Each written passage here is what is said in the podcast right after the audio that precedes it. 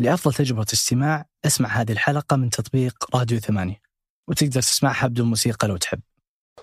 أصدقاء مربع الرائعين أهلا بكم في حلقة جديدة من بودكاست مربع. معي أنا حاتم النجار كل خميس ضيف جديد نبحث معه عن قصة جميلة أفكار مفيدة ونقاشات مثرية. في بودكاست مربع نحب التنوع نحب العفوية ونحب تسمع معنا اللقاء كما هو بدون تقطيع ولا تلميع. عشان تعيشوا اللقاء كأنكم جالسين معنا وتستمتعوا. قبل ما نعرفكم ضيف اليوم نحب نشكر على البودكاست مرسول أرهب تطبيق سعودي في العالم اللي يوصل كل شيء لأي مكان في أي زمان. يساعدنا أيضا نوصل بودكاست مربع لكم. كل ما جيت تطلب اطلب من مرسول وكل ما طلبت من مرسول استخدم كود مربع اللي بيكون فيه عروض متنوعة طوال العام.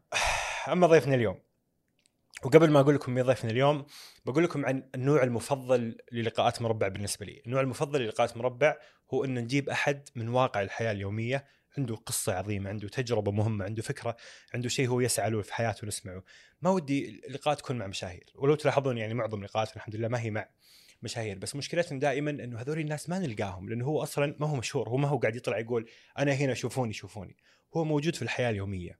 هو عمك هو خالك هو جيرانكم هو ولد جيرانكم هو أبو أبو جير أبو جارك اللي هو يعني. فدائما ممتن للأصدقاء اللي يقترحون لنا آه، ناس رهيبين عندهم قصص عظيمة وتجارب عظيمة ودنا نسمعها. أي أحد عنده من هذا من محيط الحياة اليومية قصة أو تجربة عظيمة يراسلنا على الإيميل ويساعدنا نلقى الناس هذولي. هذا اللقاء لقينا الناس هذولي، لقينا فيصل زيدان أبو عبد الله. فيصل عنده تجربة حتى ما قالوا ما قالوا لي عنها في الإعداد ولا شيء. قالوا لي هو في سالفة صار كذا كذا كذا كذا ما بنعطيك تفاصيل اسمع السالفة لأول مرة أثناء اللقاء اللي أعرفه هو إنه أبو عبد الله كان تاجر عقار في فترة ذهبية وصل لثروه ما أبغى أقولها بس بمئات الملايين آسف قاعد قاعد أحرق بعض الأشياء. ثم حدثت حادثة وصل إلى الصفر طاح طيحة جامدة ثم عاد وهو الآن في هذا الطور. نبغى نسمع هذه السالفة. طور العوده طور طور العوده نبغى نسمع هذه السالفة نبغى نعرف اللي صار. نبغى نعرف كيف أصلا تستطيع أن تقف بعد أن تصفعك الحياة صفعه بهذا الحجم. وما هي الصفعة أصلا. ما أدري إيش السالفة عندي تخوف صراحة بسيط لأنه ما راح نقطع شيء. بس صديقي اللي عبد الله عادل شكرا اللي اقترح هذه الحلقة يقول إنه الأمور طيبه فأبو عبد الله أهلا وسهلا. أهلا وسهلا فيك والله أخوي حاتم وشرفتنا الله يسعدك. وشكرا لك على المقدمة الجميله يعني. الله يسعدك. ما يعني ترى هذا من أغرب اللقاءات اللي أسجلها لأني فعلا ما أدري إيش السالفة. والله وش تبغى تسمع بس؟ أبغى أسمع آه، أبغى أسمع قصة حياتك. آه، قصة حياتي آه، بسيطة. طبعا بسيطة يعني مجازا. بس طبعا أنا قصة حياتي طبيعية. أنا نشأت في بيئة أب وأم موجودين الحمد لله. الوالد توفى الله يرحمه الجنه بس أنا أتكلم من الصغر يعني.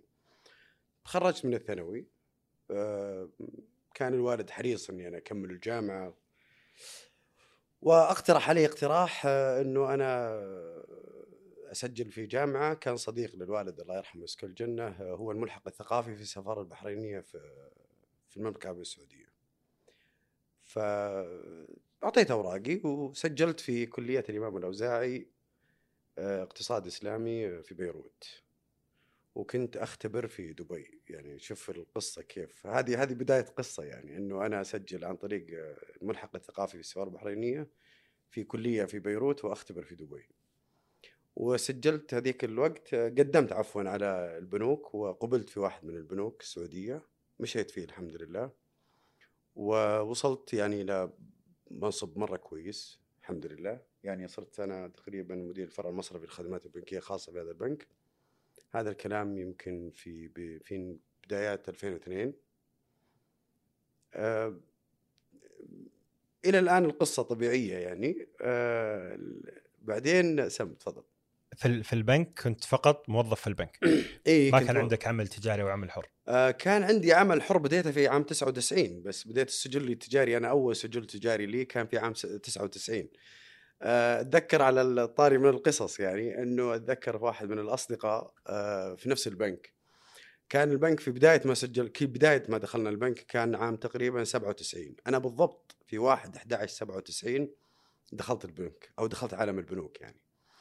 فأتذكر واحد من الشباب كان البنك حاط شعار كذا يقول نحن لا لا نشترط الخبرة لاننا نكسبك إياها.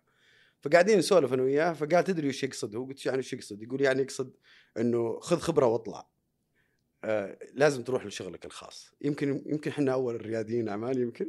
ما. وقت ما ما كان اسمها ريادي تعبان. بالضبط. كان تاجر. كان إيه كان متسبب. كان متسبب. فالشاهد آه، بعدين طبعا الحمد لله أس- أنا واحد من اللي أسسوا ال private banking في البنك هذا. يعني شارك في تأسيسه خلينا نقول. مو بتأسيسه بمعنى تأسيس ال- الإدارة كاملة ولكن أقل شيء كان في الفرع. يعني كنا من ال- من الأشخاص اللي أسسناه. وكان بنظام جديد ومختلف. آه، فالحمد لله. في في لح في يوم من الأيام هنا بدخل على القصة مباشرة. العقار. اي بأجيك العقار. كيف كيف دخلت العقار؟ طبعا العقار آه ودي تعرف أخوي حاتم إن العقار يعني أنا ابا عن جد في العقار. أنا جدي من أمي عقاري وجدي من أبوي عقاري وأبوي عقاري. أبوي طبعا مدرس الله يرحمه يسكن الجنة آه في السلك التعليمي ولكن يشتغل بالعقار. خوالي عقاريين عماني عقاريين كلهم يشتغلون في العقار يعني. فالعقار يعني جزء من ال من من خلينا نقول آه، الوجبة اليومية عندنا في العائلة يعني. فاللي حصل إنه أنا يوم من الأيام أذكر هذا يعني الموقف تماما يعني. إنه أنا طالع من البنك منتهي دوامي طبعا إلا هذا واحد شخصية معروفة. معروفة آه، هذاك الوقت. وأتوقع بعض الناس يعرفها إلى الآن. الشاهد آه، تقابلت أنا وياه بالصدفة سلم علي وسلمت عليه وقال لي "و- وش هذا؟ طبعا هو كان الخدمات الخاصة شيء جديد يعني على هذا البنك. تحديدا. يمكن ما كان فيه إلا بنكين يمكن أو ثلاث بنوك اللي عندهم خدمات خاصة. اللي هم أصحاب الحسابات الكبيرة. إيه الخدمات الخاصة عندنا كان اللي هو حسابك من الخمسة مليون وفوق. إيه. فسلم وقلت له تفضل. كان عندنا زي اللاونج صغير في البنك وجلسنا فيه وشرحت له خدمات البنك وكذا وكنت على عجل صراحة أنا لأنه كنت بطلع.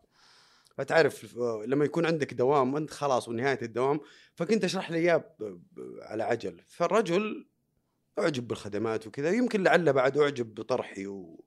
مع إني أنا كنت مستعجل فأعطاني ال business card حقه فقال لي يا ليتك تمر لنا وكذا و... كنت تعرف هو مين ذاك الوقت؟ آه، لا كشخصية ما أعرفه أنا تعرفت عليه في هذاك اللحظة أيوه بس هل تقول إنه كان مشهور؟ هل كنت تعرف إنه هذا كان فلان مشهور؟ في قطاع العقار بس أنت تدري إنه هذا ما فلان؟ أعرف، لا. آه ما تدري إنه هذا لا فلان. أنا ما أعرف إنه هذا فلان مم. أنا ما أعرف ابدا ال business card لما رحت له للمكتب عرفت من هو ففتحت له حساب وصرت تقريبا أنا مدير حساباتهم آه، البنوك ك... ويمكن آه، الإخوان اللي يشتغلون في البنوك يعرفون إنه في لكل مثلا شركة أو لكل شخص عنده مدير حساب فأنا كنت مدير حساب هذه الشركة مع الوقت تطورت علاقتي معه وصارت علاقة شخصية يعني فيوم من الأيام آه، اقترح علي اقتراح. قال لي آه، طبعا آه، تعرف لما واحد يقترح عليك اقتراح يكون أنت من الأساس فكر فيه باني. اي باني هالفكرة أساسا عندك إنه أنت تطلع وتسوي business و... أو تسوي أعمالك الخاصة. أه طلعت. أه عفوا أه اقترح علي اقتراح. قال لي ليش ما عندي مشروع وتاخذه وتسوي وتصلح مشروع؟ يعني بتفاصيل كثيرة. قلت له أنا ما لسه يعني أنت قاعد الناس تشتغلون بالملايين وأنا يعني ما بعد بديت يعني وهذه اللغة لسه يعني ما بعد أنا خلينا نقول آه، ما بعد دخلت في خضمها تماما يعني. آه، قال لي لا سهلة جدا. كيف سهلة؟ ما أعرف. شلون سهلة؟ قال سهلة بسيطة. آه، تسوي اليوم يسمونه صندوق استثماري هو هذيك الوقت كانوا يسمونه مساهمات وكانت مشهورة مساهمات عقارية. قاعد تسوي مساهمة عقارية والمشروع عندي جاهز وحتى لو تحتاج بعض المساهمين موجودين عندي ولا لا لا لا من هالكلام. يعني حقيقة أنت قاعد تتكلم مع شاب عمره تقريبا هذاك الوقت بدون مبالغة يمكن عمري 24 سنة تقريبا 23 24 سنة. ويجي شخص بهذه المكانة ويعطيك هذه الفرصة ولا هي بأي فرصة يعني. أنت قاعد تتكلم عن ملايين. فأنا صراحة هنا تعرف آه، نشوة الشباب والحماس وإيه إنه أوه والله شيء عظيم يعني. فأنا على طول قلت كيف بس شلون الطريقة؟ فقال لي ابدا سهلة تعال أعلمك الطريقة كذا كذا كذا تأخذ المشروع وأنا عندي هذا المشروع وعندي هذا المشروع وعندي هذا المشروع. وكيف تبي تاخذ المشروع ولا إلى آخره. أنا طبعا بدينا عاد في تفاصيل كثيرة كيف العقود وإلى آخره وآلية شرائها إلى الآن الموضوع طبيعي جدا يعني. فكان في واحد من الأصدقاء صديق مشترك بيني وبينه هو عرفني عليه عنده شركة. فدخلت أنا وأخذت الشركة قال خذ شركة فلان خلي فلان شريك معك بنسبة معينة وانت خذ النسبة الكبيرة بعدين حولنا جزء من المساهمين وبعدين فتحنا مساهمة على نفس المشروعين. الشاهد القصة عفوا بس في جزئية إنه كان رقم المشروع كبير. مشروعين هو باعني مشروعين مشروع استثماري ومشروع عرض ملك. مشروع استثماري آه، بمعنى إنه الأرض مستأجرة لمدة معينة 20 سنة من جهة وتبني عليها أنت مشروع. لو تطوير يعني. تطوير عقاري تنتفع من المشروع بعدين بعد 20 سنة تسلمهم المشروع زي ما هو وتطلع بس تدفع لهم أجار سنوي. فعرض علي المشروعين برقم يعني رقم كبير يعني. فاتذكر أنا في الليل رحت له قلت له أبو فلان بسألك سؤال بسيط جدا قال لي تفضل فيصل وش تبي بس يعني؟ قلت له تدري هالرقم هذا؟ أنا ما قد سمعت إلا في الأخبار. هذيك اليوم إحنا ما في social media كنا نسمع في الأخبار. كم الرقم؟ يعني كم يعني؟ يعني تتكلم أنت في حدود ال 180 مليون حقيقة. في 2005 الف لا 2000 ونهاية 2002 بداية 2003 نعم. في 2002 عمرك 23 إيه تقريبا 23 جاء واحد قال 24 أبغاك تدير مشروع قيمته؟ لا يبيعني مو أديره يبيعني. لو أديره سهلة. باعني المشروع. فانت أنت المشتري صرت أنا المشتري الآن. آه بأموال المساهمين. بأموال الناس. حلو. طيب فرحت له؟ إيش قلت له؟ قلت له هذا رقم كبير يعني ما أنا أنا وأنا وأنا وأنا في ال private banking ما شفت شخص واحد عنده هذا الرقم. شفنا صناديق وكذا أرقام هذه بس حتى قلت له أنا اعيد عليك قلت له يا أخوي هذا الرقم أنا ما قد شفته في الأخبار ما أقدر آخذ رقم. فقال لا بالعكس وسهلة ومدري إيش وشباب. أنا طبعا أخذتني ال... وهذه اللي أنا دائما أقول لا تأخذك العزة بالإثم. هذه نصيحة. ولا يغريك الرقم. ابدا ابدا وثقة أبداً. أنت عمرك 23 اي وثقة وبعدين عميل كبير وعميل معروف يعني تجمعت خلينا نقول تجمعت علي. آه في ملاحظة أخوي آه، حاتم. أنا ما ألوم أحد. نقطة مهمة جدا. أنا ألوم نفسي فقط. ليش؟ أنا الحمد لله أنا كنت متعلم وما زلت طبعا كنت متعلم وما زلت قاعد أتعلم ولكن أحيانا اللي أنا ما أبغى أحد يطيح فيه لا تحكم العاطفة. لغة الأرقام ولغة العقل أهم ألف مرة حقيقة في مثل هذه المواضيع بالذات. لا تحكم العاطفة لا تأخذك الأحلام الوردية ولا تأخذك الأحلام عاد ما أعرف شو ممكن بعدين بعدين بعدين. إيه؟ أقول إيش إيش صار؟ إيش صار؟ الحين أنت الآن أنا جيت معلش. تفضل. الحين أنت بتسوي شركة أنت سويناها خلاص. حلو. بعدين بتجيب مساهمين تصير مساهمة مغلقة. إيه حلو. بس ما دخلهم في الشركة يدخلون في المشروع فقط. في المشروع. إيه؟ بتجمع منهم فلوس. جمعنا منهم خلاص. حلو. وأخذنا جزء أيوه بالضبط. ف وبعدين أنت طبعا المسؤول. اي 100% أنا المسؤول. لما رحت له إيش قال لك؟ طبعا لما رحت له قلت له أنا ما أبغى مشروع الاستثماري. ليش؟ أنا هنا في لحظة كذا قلت آه، أجار المشروع مليونين ريال في السنة. واحد. وأنا لسه في البداية. هذا على الأقل صك أبى أخذه وأحطه في جيبي يعني آه، حقيقة أنا قلت على الأقل فلوس الناس في جيبي يعني الملك تقصد؟ إي ملك. أي. لأنه هو مشروعين. قلت لك مشروع كان ملك ومشروع كان استثمار. الشاهد عفوا. شاهد قلت له لا قال فصار هنا بيني وبينه شوي وقفة نفس. فقلت له لا ما أقدر أنا أخذ هذا المشروع. فأعطاني المشروع ذا بشوي زيادة. قال أجل أنا بتحمل خسارة معينة في هذا المشروع خذ هذا شوي. تعرف اللي أنا قلت بنفذ بجلدي؟ نفذت بجلدي. صدقا. وأنا أقول لك نفذت بجلدي والحمد لله وأخذت المساهمين معي. وطلعنا وأخذنا المشروع هذا اللي هو الصك بعد فترة بدينا عاد نشتغل على تصاميمه ونبي نبنيه المشروع وكذا وفي 2006 الحمد لله أخذ تقريبا أجمل مشروع في مكة المكرمة. طبعا هو في مكة. وكان وموقعه مميز الحمد لله وكل شيء. بس بعد فترة حسيت بالغبن أنا. دقيقة اشتغل المشروع؟ لا لسه ما اشتغل. أخذ؟ آه ف- طيب حلو. قاعدين إحنا في ال process آه، في ال... في, ال... في الإجراءات في ال process في الإجراءات الآن. إجراءات اللي هي الإجراءات البلدية لأنه هو كان أساسا تفصيل اللي هو فيه تفصيل كثير إنه كان ثلاث صكوك ضميناه في صك واحد عشان ناخذ عليه ال- الأدوار المتعددة تجميع. ال- تجميع أموال من المساهمين كان سهل؟ هذيك الأيام كان أسهل من شرب الموية يعني حقيقة يعني. كانوا الناس عادي تفتح مساهمة معروف أساسا المساهمات العقارية يعني من يعني من آه، كانت في ذروتها تقريبا في 2005 2006 إحنا بديناها قبل الذروة قبل. طيحة الأسهم بسنة آه، هي تزامنت إنه كان في ضخ وكان في كان كاش في زايد. كاش وتزامنت إنه المساهمات العقارية لدرجة إنه بعض آه، أنا سمعت ما عندي معلومة أكيدة إنه بعض أصحاب المساهمات أو بعض مديري المساهمات دخلوا أموالهم في في الأسهم عشان تد... إي هذه هذه من القصص اللي صارت إي. بفلوس الناس. وعشان كذا صار في بعدين عاد صارت سالت آه، قصة إنه تدخلت ال- ال- الوزارة وسوت لجنة وما أدري إيه، لأنه على أساس إنه. يضبطون هذه المسألة. يعني لأنه صار فيه ما ما أبغى أقول إلا بعضها تفريط صار من بعض ال- المساهمات العقارية. تقريبا كم المب... كم جمعته يعني جم...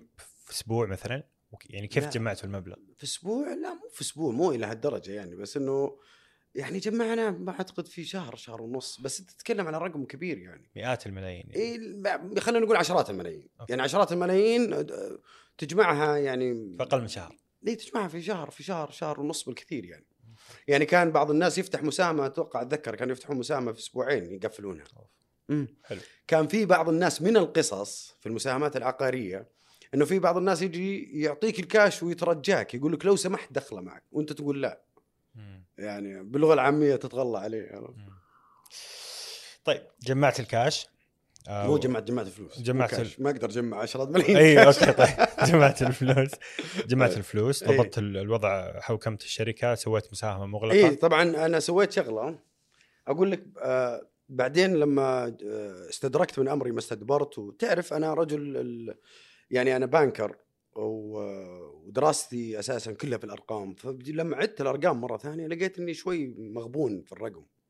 في حصتك؟ في أرباحك في يعني لا لا مغبون في شرائي المبدئي من الرجل هذا. يعني أنا صح إني رجعت للمشروع هذاك بس إلى الآن أنا ما زلت أحس إني أنا مغبون في شراء الأرض هذه بقيمتها هذه. يعني هو باعك هذا بثمن أعلى, أعلى لأن من إيه لأنه قلت لك إنه هو قال لي إنه إنه أنا- أنا متضرر. نفسي. إيه بتضرر من هذه عشان أرجع لك هذا المشروع برفع عليك هذا. حلو. فحسيت بالغبن شوي فرحت صراحة وهنا بدأت العلاقة بيني وبينها تتوتر.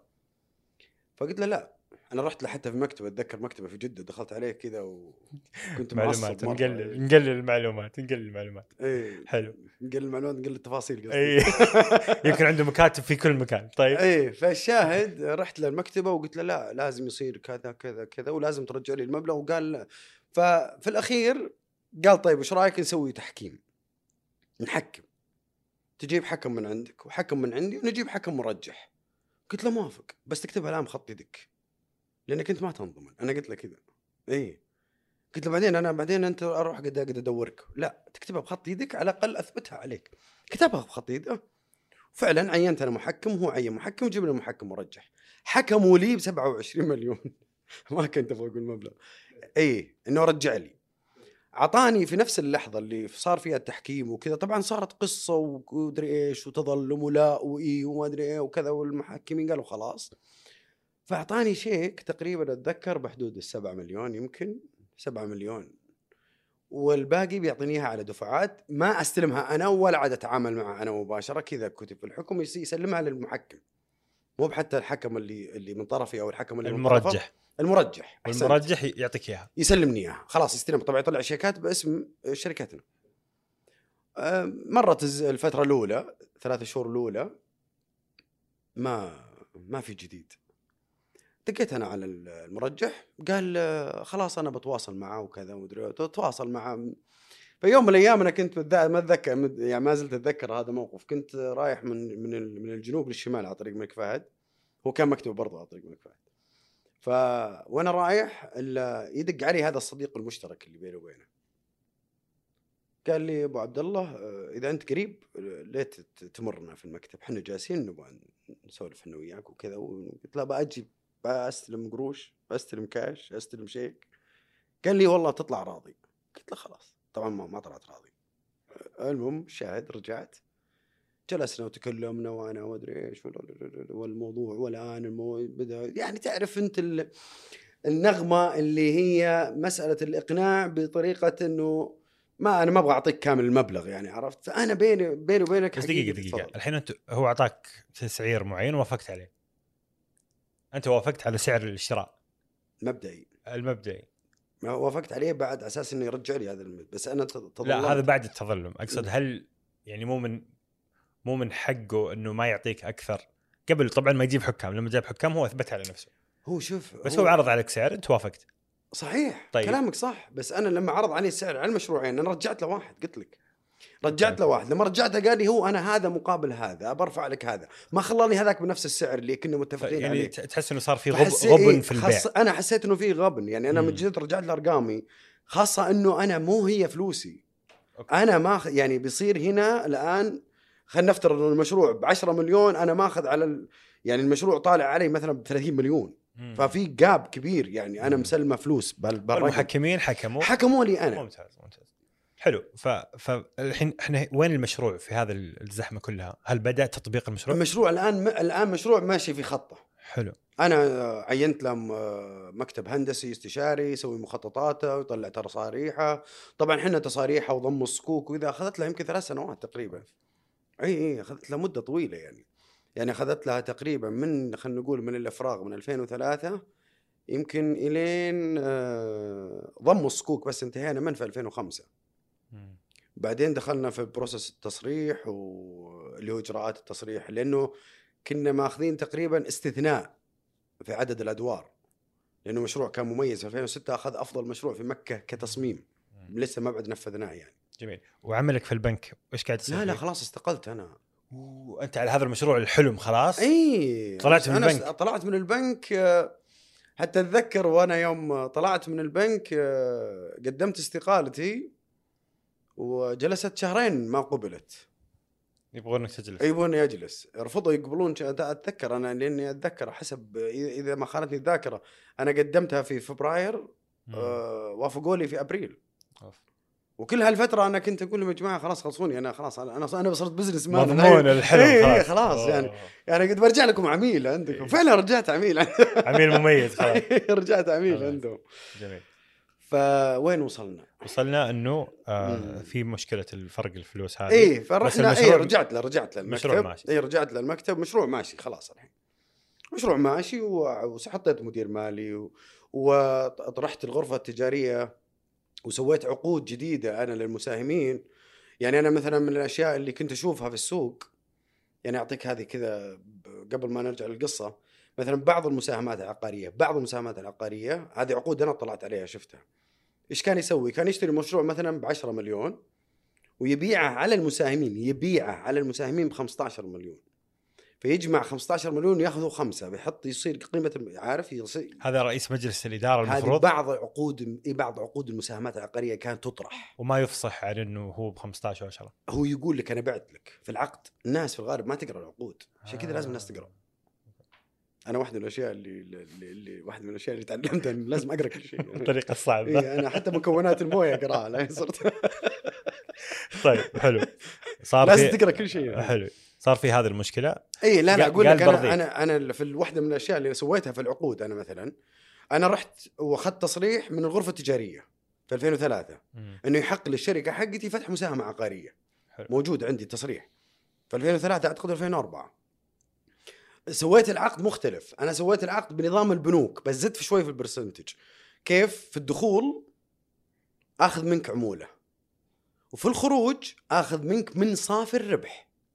حلو. حلو؟ هذا اللي كنت أسويه أنا. ما كنت أبيعك المساهمة. أنا مدير. مدير ثروة. فعشان اخذ فلوسك مثلا 100000 باخذ منك 2% على ال 100000 هذه مجرد إني أخذها. ولما هذه تطلع رسوم إدارية. رسوم إدارية. إذا ربحنا 20% آخذ خمسة مثلا من 20 من ال 20% فقط. حلو. آخذ إيه من صافي الربح. حلو حلو. هذا عقدي كان. هذا من البروسس اللي تسأل عنها. انت. وكانت ماشيه الحمد لله وعندي موظفين وشغالين والأمور تمام. ف دقيقة كيف تفضل. عندك موظفين؟ إي عندي سويت شركة. إي سويت شركة. آه، قائمة الآن. عندي okay. موظفين وعندي إدارة مساهمات وعندي وعندي إدارة مالية. شركة قائمة. عشت ملك في ذيك الثلاث سنين. لا عشت ملك بس بطريقة كويسة يعني. okay. عندي فلوس بس almost نظامي يعني. تقريبا. نظامي إلا نظامي. كيف almost طيب هل في مشاريع أخرى يعني كنت قاعد؟ أحسنت. هذا اللي أنا بجيك فيها. ها. آه فلما انتهي خلينا ننتهي من قصة الرجال. لما جينا للرجال وجيت عنده أنا المكتبة وصار بدينا في الضغط وما أدري إيش وكذا وما أدري يعني الحمد لله أنا أنا حسيت الأمور الحمد لله بدأت تمشي أكثر بالنسبة لي. مع ضغطة قال لي خلاص تنازل عن عشرة وبعطيك عشرة. الآن تأخذ عشرة مني. أعطاك سبعة باقي 20 اي قال لي بعطيك 10 الحين تنازل عن 10 بيني وبينك هذه. طبعا أنا قلت مثل ما أبغى أقوله الحين عرفت؟ فقلت عطني العشرة. خلني أخلص من هالسالفة بس أخذت العشرة وطلعت. انتهت علاقتي مع هذا الرجل من هذيك اللحظة. حلو؟ إيش اللي قلت لك برجع لك فيها قبل شوي؟ نسيت. إنه في هل كنت قاعد تسوي مشاريع أخرى ولا إيه. فركزت على هذا المشروع. خلاص. ليش؟ لأنه أنا ما أفتح مشروع في مشروع. لأنه مساهمة. في بعض الناس بعض ال...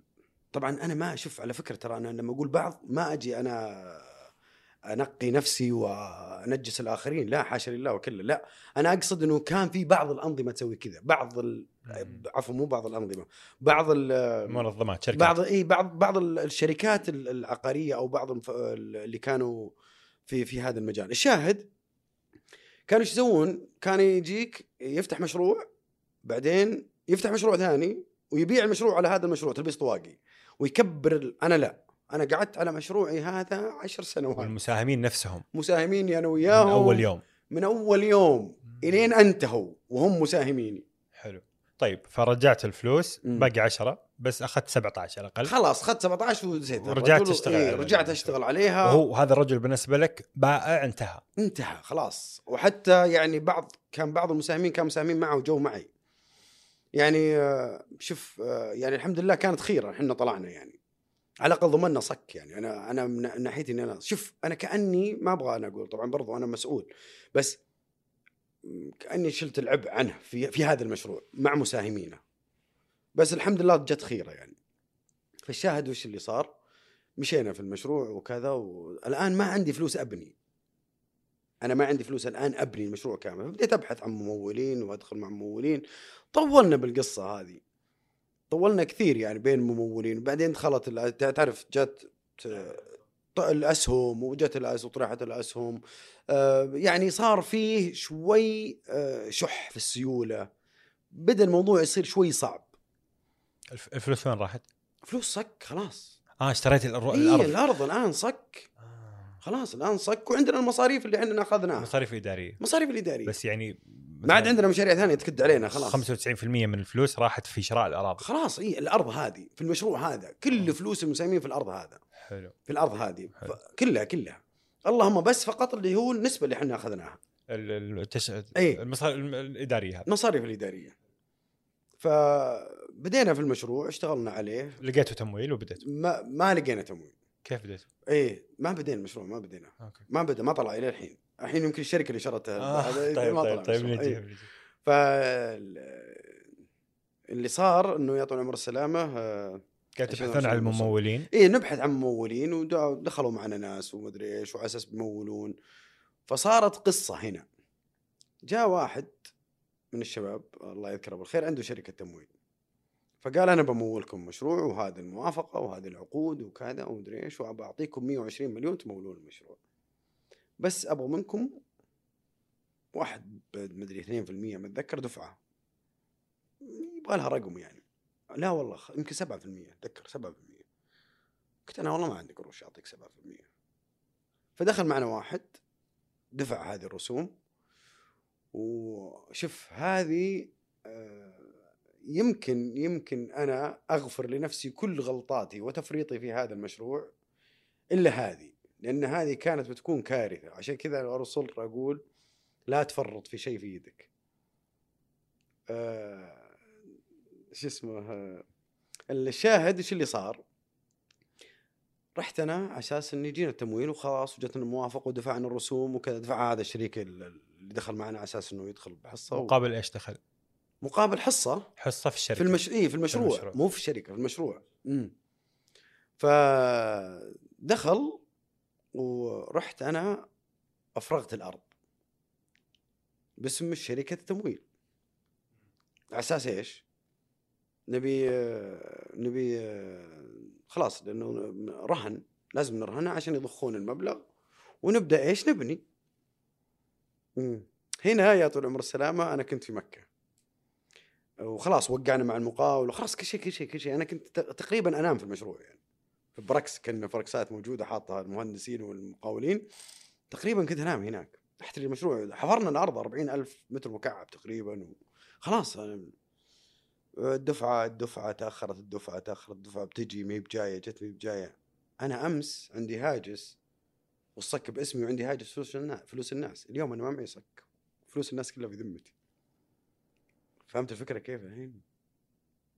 فأنا دقيقة بس مقابلة يعني انت الان افرغت باسمهم فرغت بس بالشركة وإيش الضمان؟ إيش ضمانك؟ ان هم بيمولون المشروع؟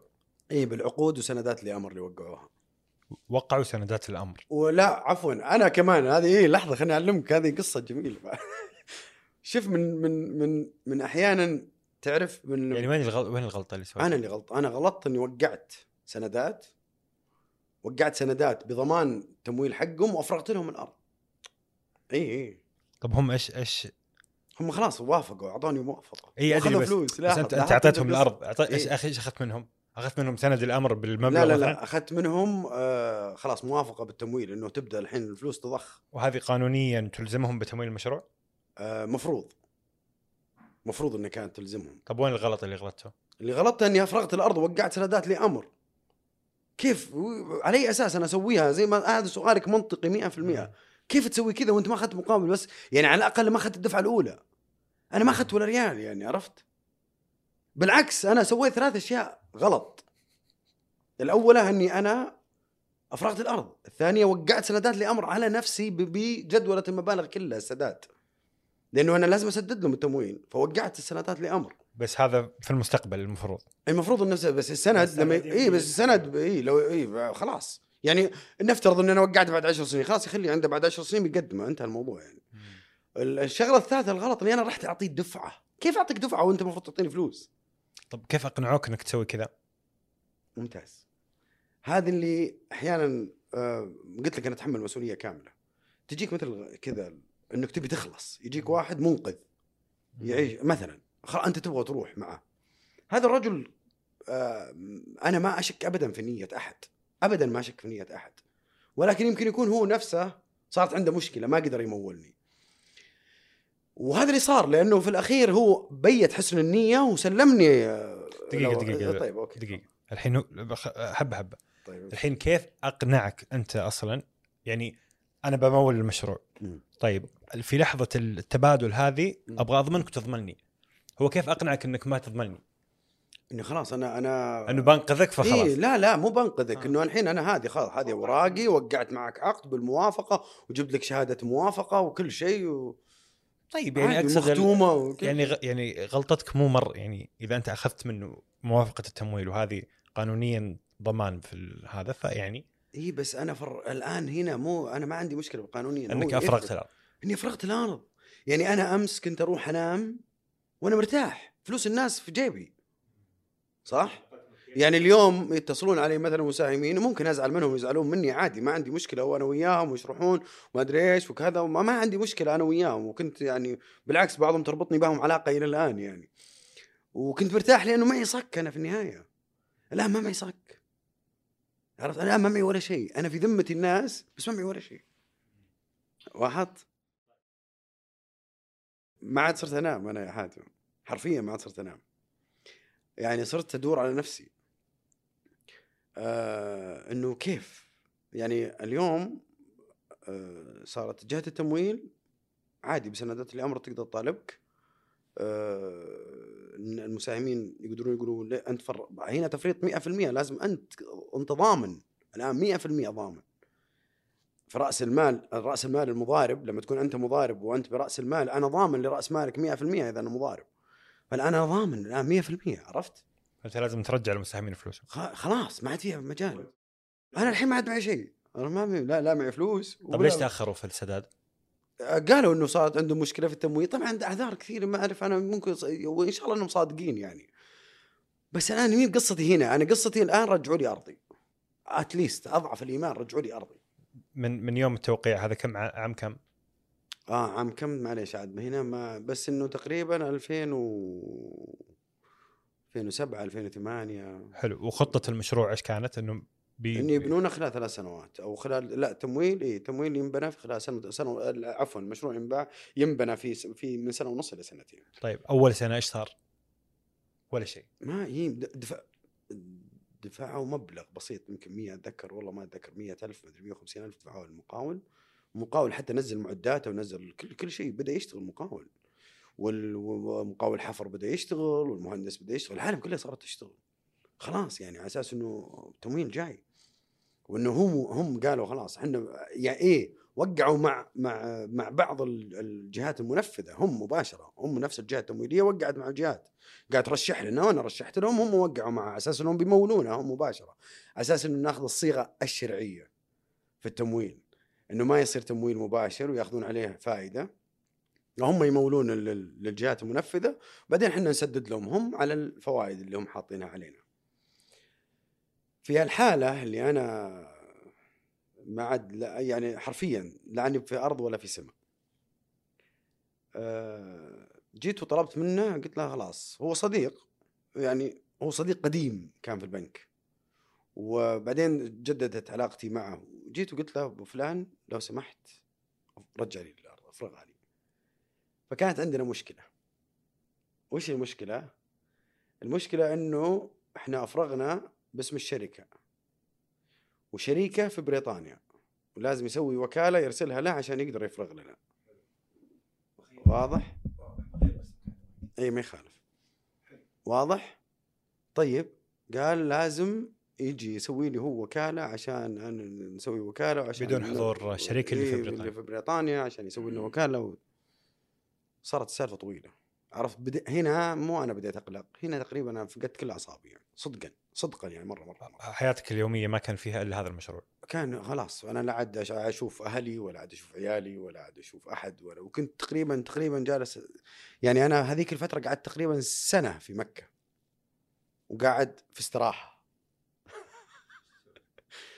بخلص من هالسالفة لأنه أنا لازم أفرغ في في محكمة مكة. كتابه عدل مكة ما أقدر أفرغ في اي مكان ثاني. فكل يوم يم- يمكن بكرة نروح اي كذا. اي فأنا أنا جاهز. في اي لحظة أبغى أفرغ أنا الآن. جيت للرياض. أتذكر فقال لي جيت للرياض عشان أقابله الرجال وادري إيش وكذا وقال أنا أقدر أفرغ آه اي قال أقدر آه أسوي لك وكالة. أسوي لي أنا وكالة إفراغ على أرضي. أروح أنا يسوون لي هم اثنين وكالة. فتفرغ أنت أفرغ أنا الأرضي. منهم إليك وكيلا عنهم تفرغ الأرض لك. بالضبط. حلو. اخذت الوكالة. رحت كتابة عدل. قالوا كتابة عدل ما تفرغ لنفسك. رجعت ثاني مرة للرياض. رجعت الرياض الرجل اللي دفع المبلغ لشركة التموين رحت نمت عند بيتهم في المسجد. صدق. والله أتذكر يعني أنا من شدة يمكن قعدت يمكن يومين ثلاث أيام ما نمت. هذه قصة كذا عارضة كذا سريعة أه، رحت للبيت دقيت على جواله ما يرد رحت صليت معه العصر عند بيته. أه، شكله حتى هو ما صلى يعني أو كان نايم ما أعرف. وصلى هو يصلي طبعا بس إنه يمكن ما صلى المسجد. فأنا وأنا جالس أتذكر كنت كذا ونمت نمت نمت في المسجد. حتى ال- المذن يوم جاي يسكر الباب قال لي قم روح لهلك فأنا قمت وطقيت عليه الباب. صحى قال لي إيش فيك؟ قلت له الحين نمشي مكة. قال لي ليش؟ قلت معي وكاله أبغى أفرغ لك. كذا بالنص أنا قلت له قلت له أبغى أحط لك مسمار جحا. عرفت؟ لأنه أبغى أضمن أنا ما أبغى ما أبغى يعني على الأقل أنت دافع لك مبلغ وقدره آه، عن- يعني على الأقل نمسك شيء يعني عرفت؟ نشيلها من هناك. بالضبط. حلو. على طول. شغلنا السيارة ومشينا لمكة. وسكننا آه، حتى هو سكنت أنا وياه في الفندق في غرفة واحدة عشان على طول ننام. نمنا وقمنا مباشرة ورحنا المحكمة وأفرغت له. أنا بموجب الوكالة اللي هم أعطوني إياها فرغت له جزء من الأرض. ما فرغت له إياه كامل طبعا ما أنا ما أبغى أكرر نفس الغلطة يعني. فما فرغتها كامل فرغت جزء. وجزء طبعا أقل من 50% أنا فرغت له. بعد فترة هم سووا وكالة لواحد ثاني أفرغ لي أنا باقي 60% حلو.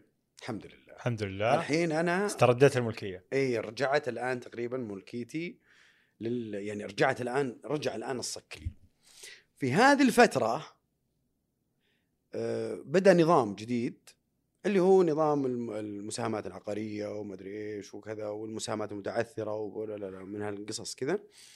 ف آه، دخلنا في آه، في هذا يعني منه من ضمن المساهمات. وبدينا قدمت. أنا طبعا الحمد لله يعني من فضل الله عز وجل قدمت كل أوراقي و يعني يعني شهادة يعني حتى الحمد لله ال- وهم بعد والله كانوا متعاونين جدا يعني مرة متعاونين ال- الإخوان اللي كانوا ماسكين ال- اللجنة. وقدمت لهم كل أوراقي و وبدينا في بروسس عفوا بدينا في إجراءات الجديدة اللي هي تصفية المساهمة. طيب فالحين أنت كم سنة ما مشى الموضوع؟ اي ما مشي الموضوع. صف خلاص المساهمه الآن دخل اي دخلت الآن اللجنة. حلو وتبيع ال... ال... يعني الآن اللجنة بتصفي المشروع. حلو وترجع حلو. الفلوس للمساهمين. وترجع فلوس المساهمين. فاللجنة الآن تبي حقوق المساهمين كاملة وأوراقهم مستندات المشروع كله كامل. بس فقدم- ليش ليش فقدت الأمل؟ يعني ليش ما قلت طب خلنا ولا خلاص طفشت من السالفة؟ لا مو طفشت من السالفة. آه يعني كان صارت عندك مرهقة كان عندك خيار جداً. إنك تدور ممول ثاني وتبني المشروع كذا آه و... كان عندي خيار أخير وهم بيض الله وجيههم حقيقة اللجنة قالوا خلاص بنعطيك مهلة.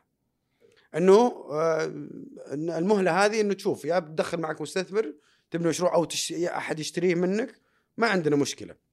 إذا كذا خلاص لازم تجيبه. فما صار ما الناس ما عاد ما عاد ما عاد صارت مرنة زي أول في المسألة هذه كل الناس صارت تتخوف و... فالشاهد قلت لهم خلاص وسلمت لهم كل الأوراق سلمت كل المستندات سلمت كل شيء من A to Z فهنا يا طول العمر السلامة بدأ الإجراءات في إنه تعرف أوراق رايحة أوراق جاية يطلبون مني شيء وأدري إيش وإلى اخره تصفية المساهمة كاملة. وكانوا يعني حقيقة جدا مرنين يعني ومتفهمين و يعني بس طبعا أنت ما تقدر تقول شيء يعني لا في النهاية هم قاعدين يمشون وفق قانون بس كانوا جدا جدا جدا صراحة متعاونين يعني. متعاونين يعني مو متساهلين لا بالعكس ما تساهلوا ابدا بس إنهم كانوا متعاونين. ف بدينا في الإجراءات سلمتهم كل الأوراق طلعت الأرقام كلها كاملة. بعدين عرض المشروع للمزاد وبيع المشروع الحمد لله وأعلن عنه حتى في كل الوسائل آه، شو اسمه الإعلامية وفي هذاك الوقت في 2013 بيع برقم مرة كويس الحمد لله. وصرف للناس رؤوس أموالها زائد 52% ارباح تعادل الاستثمار على المشروع. اللي هو ما قام بس الأرض. إي بس تخيل الأرض. بس الأرض. ترى جابت للناس 52% بس طبعا أنت بتتكلم خلال عشر سنوات يعني معدل كل سنة 5% وهذا أنا أعتبره بالنسبة لمكة مجزي جدا. يعني عادي. والمساهمين كانوا إيش رأيهم بال- بالنسبة؟ أكيد. طبعا الحمد لله يعني هم كلهم كانوا مبسوطين يعني. أنا أتوقع متأكد إن- إنه إن شاء الله أغلبهم يعني كان مبسوط يعني. وصف المشروع. أنت شخصيا في هذه اللحظة كيف إيش صار عندك؟ أه، تبغى تفصيل اللحظة هذه؟ فصل اللحظة. اللحظة هذه آه، طبعا لما انتهينا من الأوراق وتجميعها وحدد موعد لل- للمزاد. طبعا المزاد كان مو مزاد علني كامل بس كان يدعون الل- اللجنة كانت تدعي آه، بعضها يكون علني وبعضها يكون دعوة. وكنت حاضر وكان الله يذكره بالخير آه، الدكتور توفيق الربيع حاضر. والأعضاء موجودين وكذا وصار في مزايدة. الحقيقة آه، أنا ما اخفيك سر آه، وهذه آه، نقطة أنا أدين بالفضل لها لل- للجنة يعني. اللجنة كانت حريصة إنها تأخذ يعني تزيد يعني إن السعر يكون أعلى. كل ما كل ما زاد السعر اللجنة كانت تزود أعلى. وأنا كنت حقيقة مرة مبسوط يعني بهالموضوع. لما جاء الرقم النهائي سألوني سؤال مباشر اللجنه موافق؟ قلت لهم موافق. خلاص يعني هذا الرقم ممتاز. كم كان؟ آه اللي يعلن عنه 127 مليون و900 تقريبا. اي كان مجدي بالحمد لله يغطي كل يعني خلينا نقول يدفن كل المشاكل. يعني كان حرفيا الحمد لله يغطي كل ال- التفريط والغلطات والحمد لله يعني عرفت؟ ف وحقوق الناس والمساهمين حقوق الناس وال- والمساهمين. أنا طلعت من ال... كذا كذا حرفيا أنا طلعت يعني حتى في ناس من الموجودين من اللجنة جعلهم يسلمون صراحة سلموا علي سلام حار يعني. عرفت؟ أنا كأني فزت حرفيا يعني بعد عشر سنوات لاحظ بعد عشر سنوات أنا اختصرتها لك ما أعرف كم دقيقة الآن إحنا مر علينا بس آه، اختصرت لك آه، اختصرتها لك في هالدقائق. لكن كانت عشر سنوات من أصعب عشر سنوات مرت على أتوقع إنسان يعني.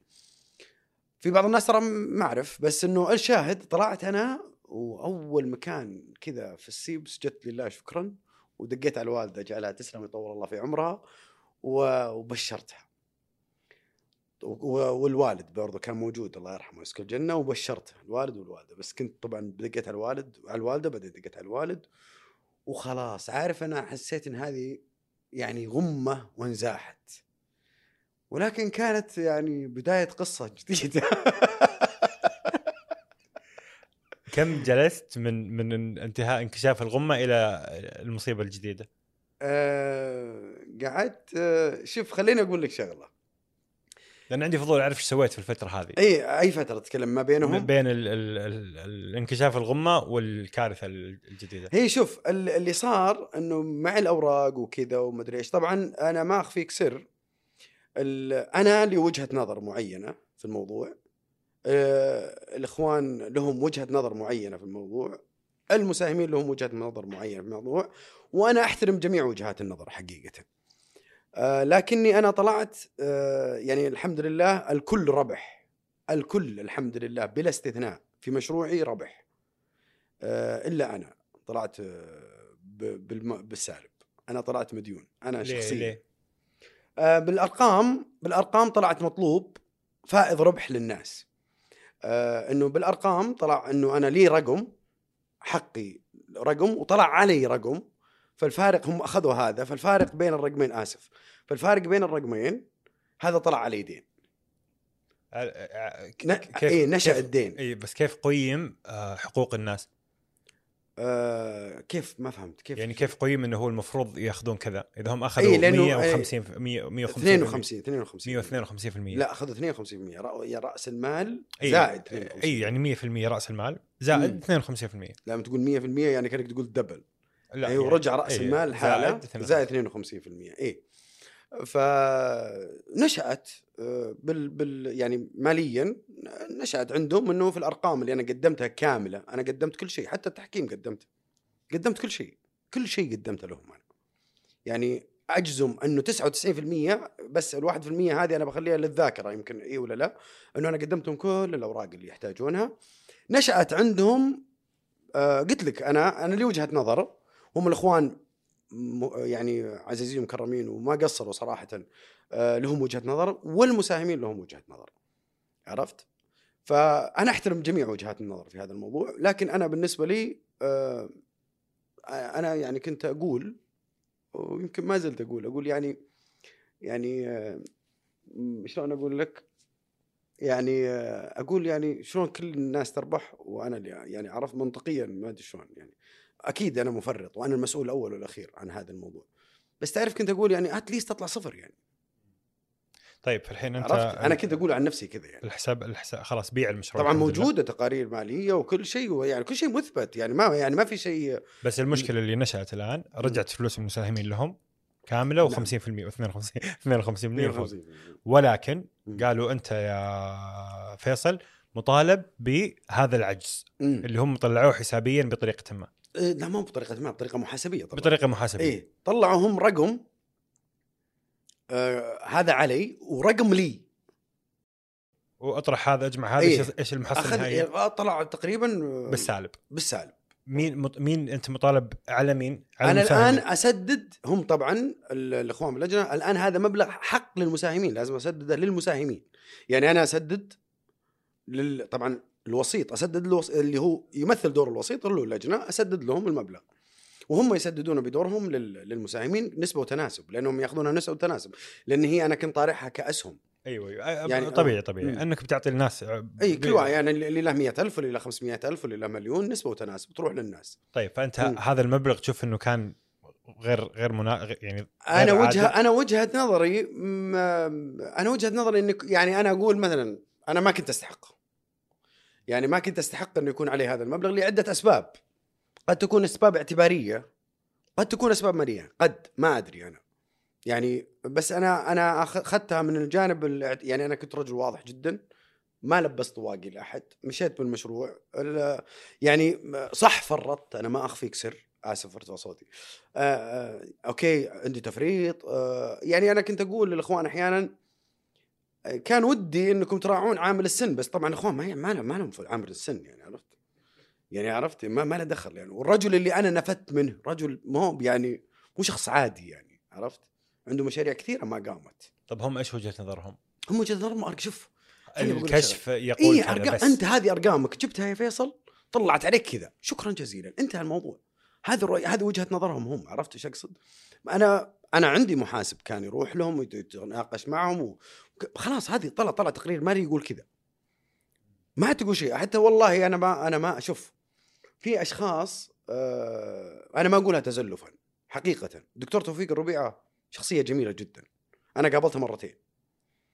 آه المرة الأولى كنت طبعا زعلان مرة ومغبون مرة ومعصب مرة إنه ليش ينشأ علي هذا المبلغ وزعلان و... فجيت وقلت أبغى أروح أقابل الدكتور توفيق الربيعة. هذيك الأيام كان الدكتور توفيق الربيعة هو وزير التجارة. فرحت دخلت على مدير مكتبه قلت له أبغى أقابل الوزير. قال لي آه، والله الوزير جدوله مليان يعني. قلت له طبعا هو واضح إني أنا كنت مغبون يعني. قلت له لازم أبغى أبغى أقابله لازم أبغى أقابله. أنا أنا صاحب مساهمة وأبغى أقابله. قال لي أبشر ولا تزعل.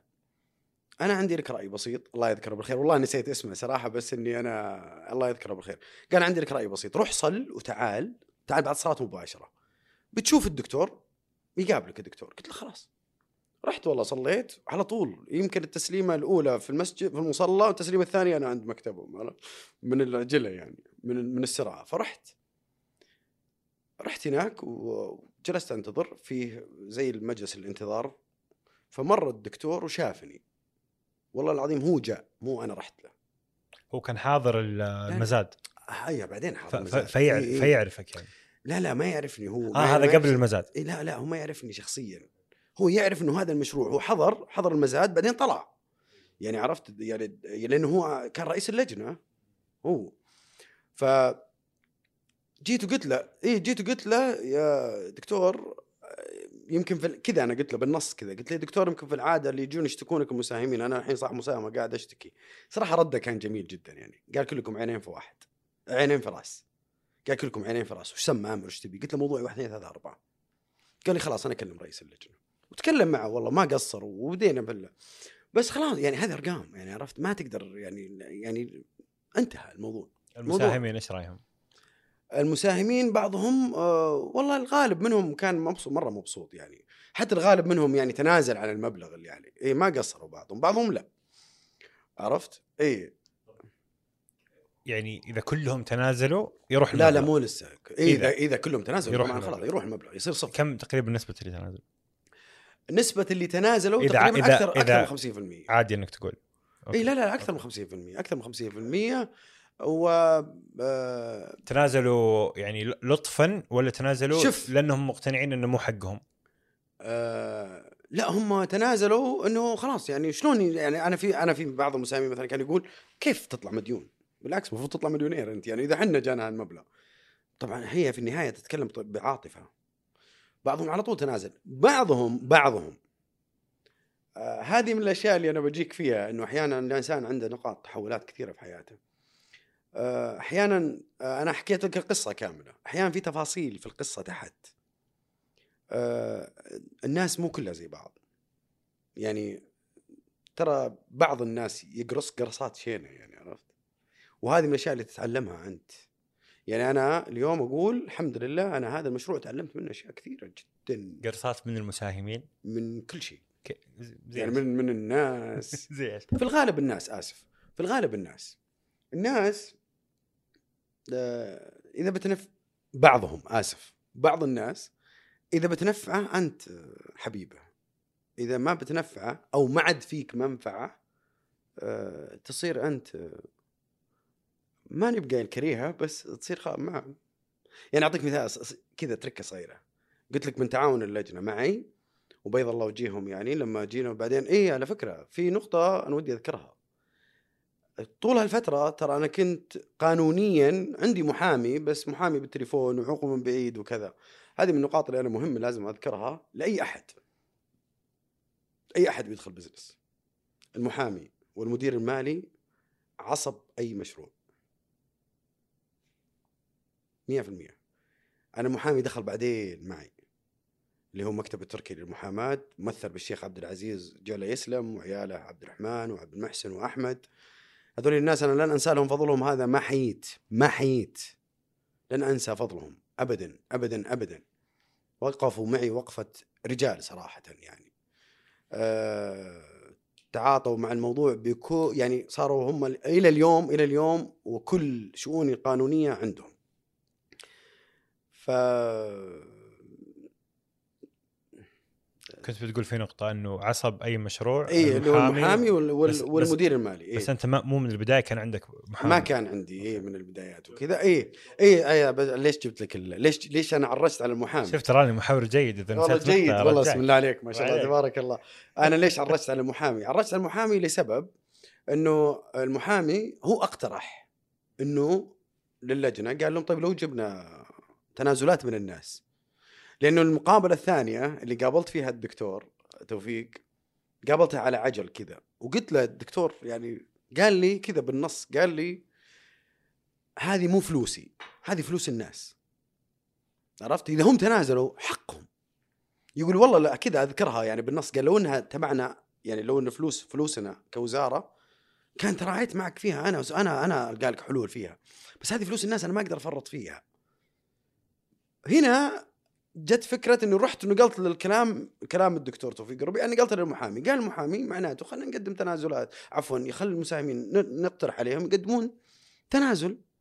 خلاص أنت يعني جايك 350% خير وبركة. يعني أنت مثلا لو افترضنا إنه عندك مثلا مئة ألف وجاك 52000 المتبقي ما يشكل 3 4000 ريال مثلا.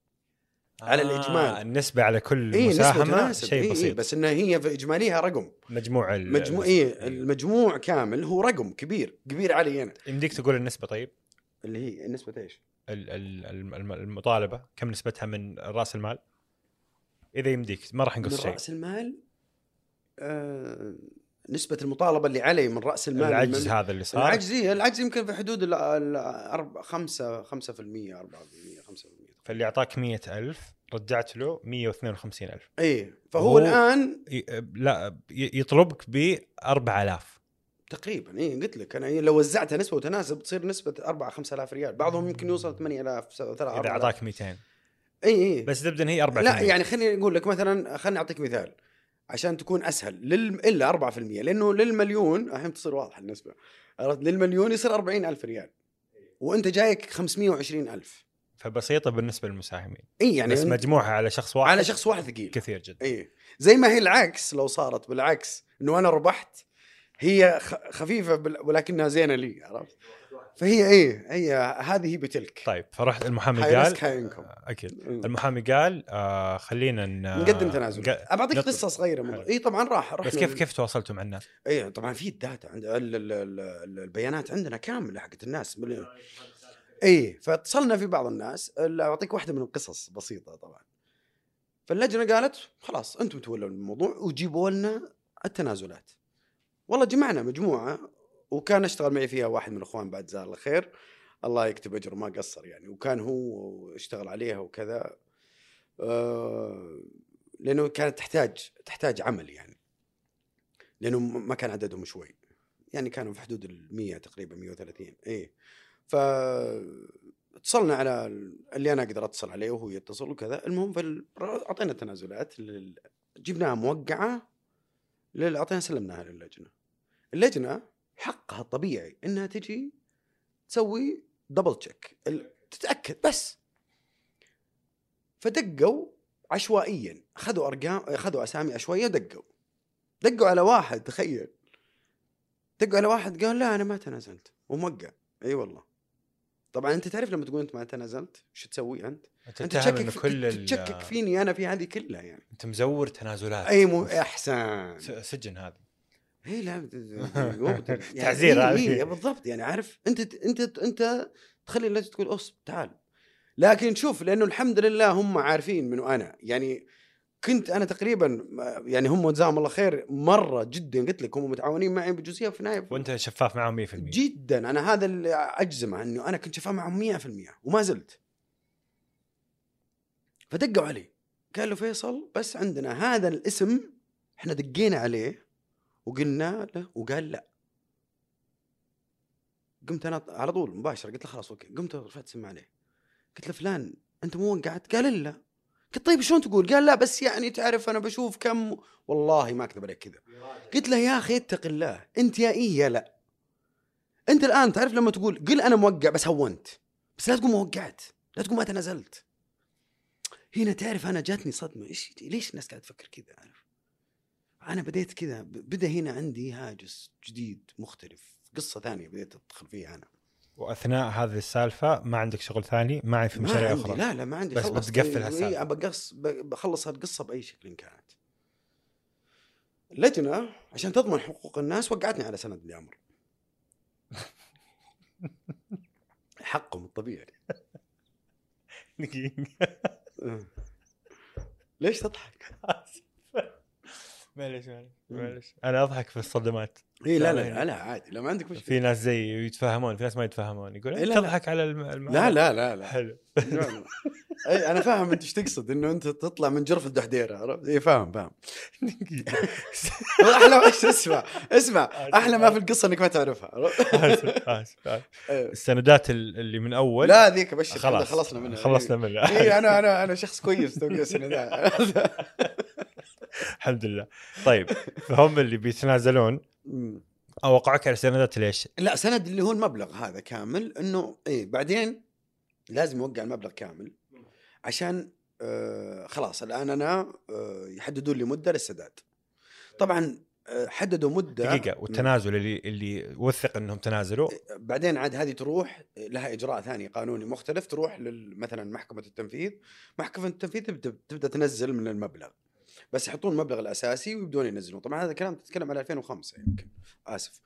آه طبعا هذا هذا الكلام في 2013 نهاية 2013 نهاية آه إيه، تقريبا على 2014 هنا أنا تعرف آه، خرجت من الصدمة ما راح أسميها صدمة خرجت من هالقصة.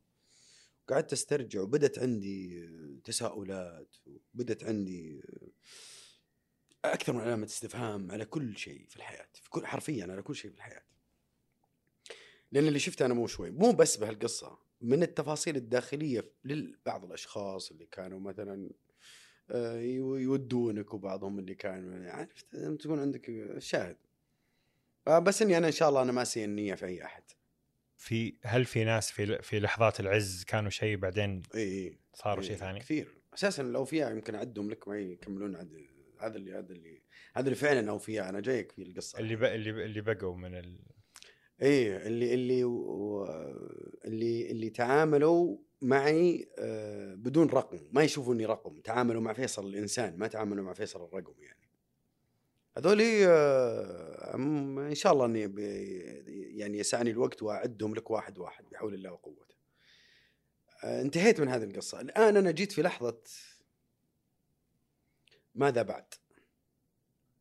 انتهت قصة 10 11 سنة وما زالت أثرها قائم. و- وش بسوي؟ طبعا أنا كنت أقول أنا صادق في كل شيء وما زلت أقول الحمد لله. أنا كنت شفاف واضح. فصار عندي تساؤلات كثيرة عرفت؟ دخلت في مرحلة ثانية مختلفة. دخلت في مرحلة حرفيا مختلفة تماما.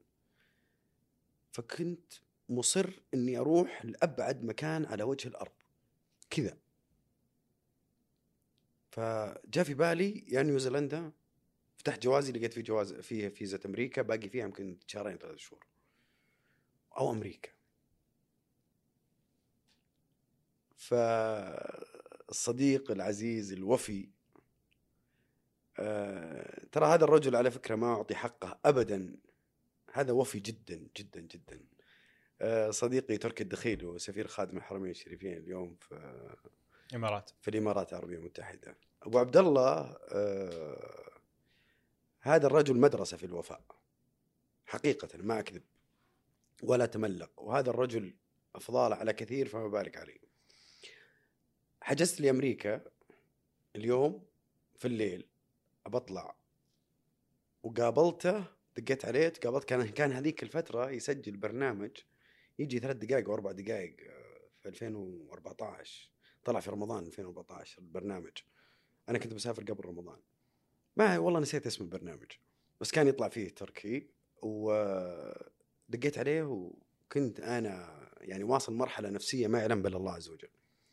تخيل أخوي حاتم إن هذا الرجل في استوديو التصوير يطلع من الاستوديو وقت التصوير ويمشي معي في الشارع. ويقول كلام ما سمعته من أحد. إلا هو.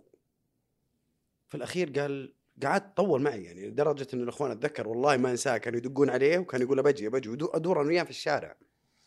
يعني فقال لي أنا بقترح عليك اقتراح الله يذكره بالخير. تروح معي. نطلع تسافر معي. كان بيروح هو على الإمارات. على أساس إنه أتذكر كان العربيه أو شيء بي سي زي كذا هو.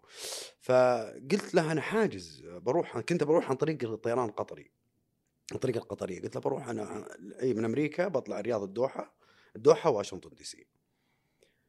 فقال لي طيب غير كذا. قلت له لا أنا ب... أنا بطلع. أنا خلاص أنا أنا مر. لازم أطلع. أنا خلاص لحالي.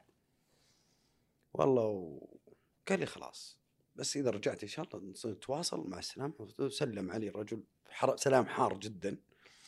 واعطيته اللي في خاطري يعني كذا كنت أبغى أفضفض أنا والرجل يعني شوي سوى سوى توازن لنفسيتي وركبت الطيارة وسافرت. هناك قعدت أتأمل. أتأمل أتأمل قصص كثيرة يعني. إي من ضمنها آه شوف أنا ما أبغى أدخل في آه شيء آه لكن آه أنا آلمني المجتمع صراحة بعض. من في المجتمع. الموني صحيح يعني مو بسواليف عارف؟ الموني الموني يعني. آه بالتصرفات بالأشياء. فبدت عندي آه، آسف على الكلمة ولكن بدت عندي مرحلة الشك. شكيت في كل شيء. حرفيا في كل شيء شكيت فيه. في شيء غلط. كذا وقفت لحظة كنت في شيء غلط. هذا الآن أنا ما أعرف أحد ولا أحد يعرفني. وأنا قاعد في في هذه البلد.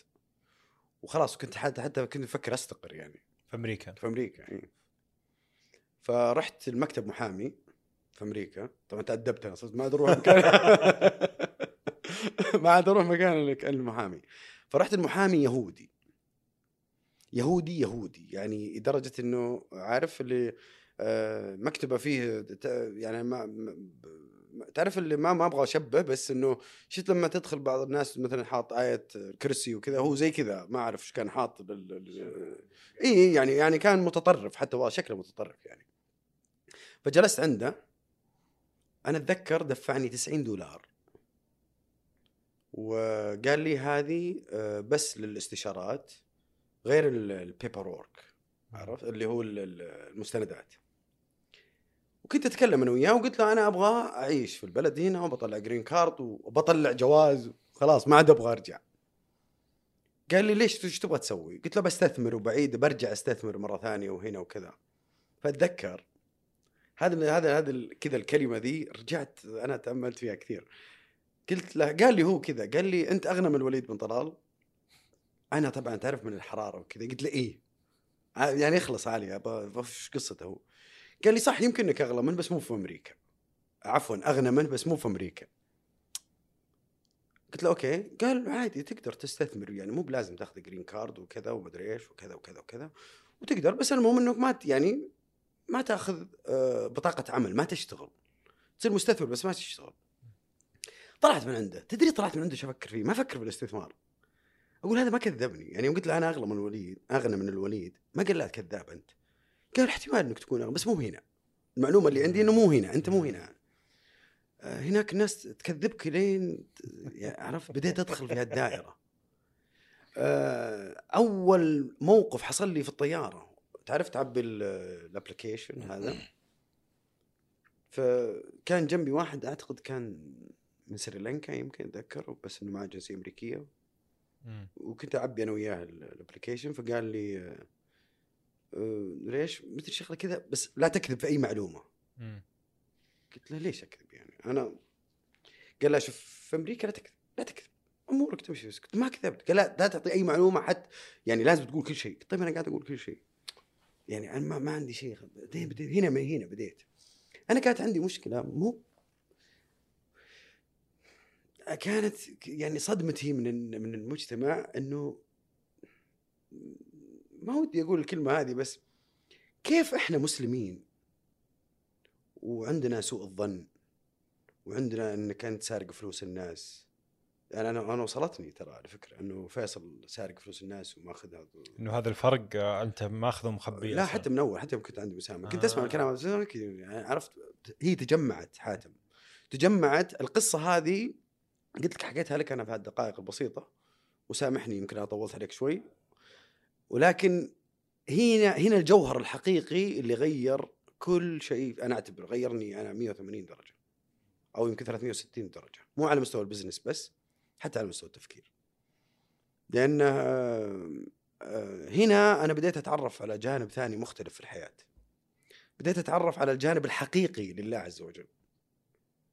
بديت أتعرف على حقيقة الكون. حقيقة وش معنى قدر؟ حقيقة الإنسان. حقائق كثيرة بديت أبحث عنها. أنا وقفت صراحة وقفت أنا كل شيء شكيت فيه إلا أن الله موجود. كل شيء شكيت فيه إلا أن الله موجود. ليه؟ أنا قلت يا عندنا مشكلة. يا أن إسلامنا غلط يا إحنا اللي غلط. في شيء غلط. تعرف إنه يتعاملون مع بعدين مسألة الاستغلال. طبعا أنا رجعت للتاريخ كله قلت أنا صغير. معليش يعني ماني بقول تلعب علي بس كيف تعطيني هالطعم أكلة وأخذ معي هالناس؟ وبعدين الناس هذولي بعضهم يجي يقول كويس بعدين يقول سيء. بعدين أدخل في دوامات عرفت؟ بعدين فجأة أطلع مديون. بعدين عارف قصة كذا ما ما مو مو يعني ما دخلت مخي أنا. ما في في أشياء منطقية في أشياء منطقية. أنا أتحمل مسؤوليتها الأول والأخير. ما حد يتحمل مسؤوليتها كل اللي صار أنا أتحمل مسؤوليته. ما حد يتحمل مسؤوليته غيري. ف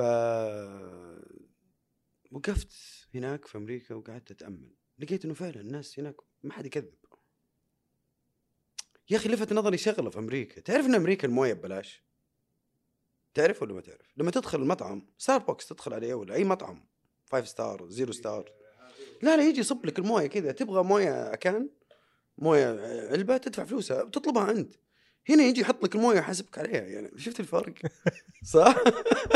شوف شوف انت عندك تجربة جدا جدا سيئة فيعني إي لا يمكن إيه يمكن إيه. في يمكن في تحيز شوي يعني. لا مو تحيز. آه يعني مو لهالدرجة يعني. لا لا صحيح آه، والله يعني والله. أحيانا يعني شو يا- مو قصة شوف آه، حاتم أنا بقول لك أنا ما أنا ما أسقط على أحد. ولا تحيز ولا نب لا أنا مع ولا ضد. لكن أنا عندي كانت عندي تساؤلات بسيطة. يعني تعرف أنت قلت لك أنت عندك طموح وعندك مدري إيش. بعدين يتحول هذا كله إلى ما راح أقول ماينس أنا ابدا. وحتى صديقنا المشترك عبد الله لما جلست أسولف اليوم قال لي فشل قلت له لا مو فشل. مو فشل لأنه الفشل مو مو درهم ودينار. أنا عندي مكاسب كثيرة كثيرة مرة مرة. أنا الحمد لله كسبتها في هذا الاشخاص كسبت أشخاص كسبت كسبت أشياء كثيرة الحمد لله. بغض النظر عن الفلوس الفلوس تروح تجي فلوس أنت تجيبها مو هي تجيبك. ال- القدر كيف كيف فهمته وكيف تعاملت معه؟ أنا وقفت هناك قلت آه في أشياء كثيرة كنا نسمعها هنا في المجتمع عرفت كثير كنا نسمع إنه آه، إن ال ال خلاص اللي اللي كاتبه ربي لك يصير طب هو صح هو اللي كاتبه ربي يصير طيب وش هو؟ آه، خلاص قدرك يعني مو منطقي ق- حاتم قدرك إنك تصير طيب أنا إنسان أنا إنسان صادق وطلعت مديون صح؟ في مشكلة معناته صح؟ كيف القدر أجل؟ معناته القدر أنا اكتشفت إنه القدر مو قيمي. هذه أنا تعلمتها من الدكتور صلاح الراشد. القدر ما هو بعاطفي.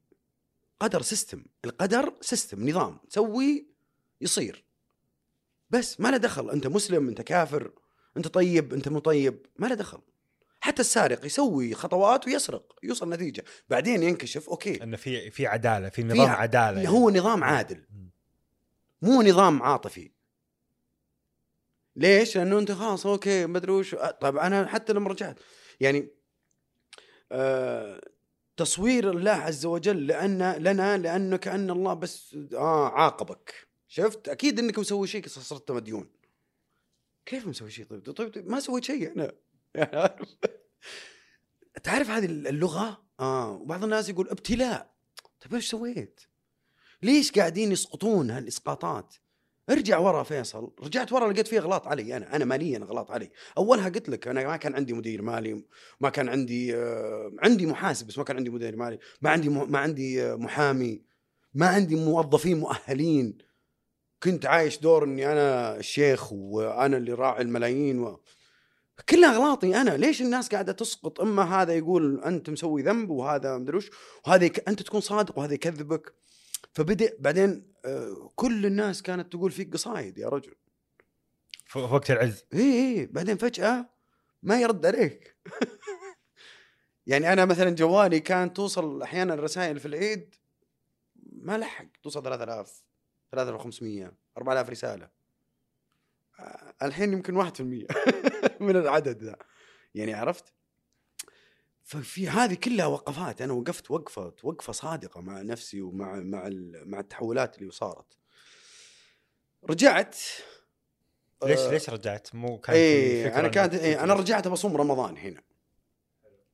كان أنا أنا بالضبط رجعت آه، قلت بصوم مع أمي وأبوي. الله يرحمه ويسكن الجنة الوالد. وبكمل برجع ثاني مرة. صار انه أنا صمت انتهت فيز آه انتهت جوازي. أو انتهت فيزتي لا آسف انتهى انتهت فيزتي. فرحت جددت الفيزا على طول مباشرة. يوم واحد يوم 31 12 2014 أنا في DC. رجعت ثاني مرة. في واشنطن و... أمريكا. اي و... في أمريكا. رجعت لها مرة. طبعا أنا هنا جلست يمكن تقريبا أسبوع. آه، من المفارقات العجيبة إنه أنا رايح الروحة الأولى فتحت حساب في البنك. و... وأنا راجع باقي فيه مبلغ توقع. و...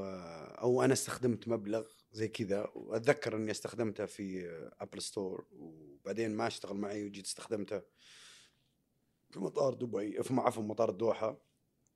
فصار عندي بال minus مبلغ. في أمريكا. في أمريكا. فأنا راجع معي معي أساسا كاش للمبلغ اللي بسدد فيه. فرحت ثاني يوم للبنك وكنت متخيل مبلغ. يعني أنا أتذكر كان في حدود ال 2000 دولار أتذكر أنا كذا فجيت دخلت عليهم قلت لهم أنا هذا حسابي. قالوا حسابك هذا تقفل نفتح لك حساب جديد. ممتاز. طيب حسابي الأول قال حسابك الأول فيه minus 200 دولار. لا مو 200 في 2000 قالوا لا. آه إنه حسابك إذا فتحته وأنت زائر أو شيء زي كذا إحنا نأمن على حسابك ولو ذا تتسدد شركة تأمين. وهذا اللي ال- هذا اللي أنت عليك ال- ال- الباقي الباقي اللي. اللي عليك أنت تسدده اللي ما تسدده شركة. فتلقائيا سددوا عن- سددوا عنك. قلت أكيد أنتم كفار.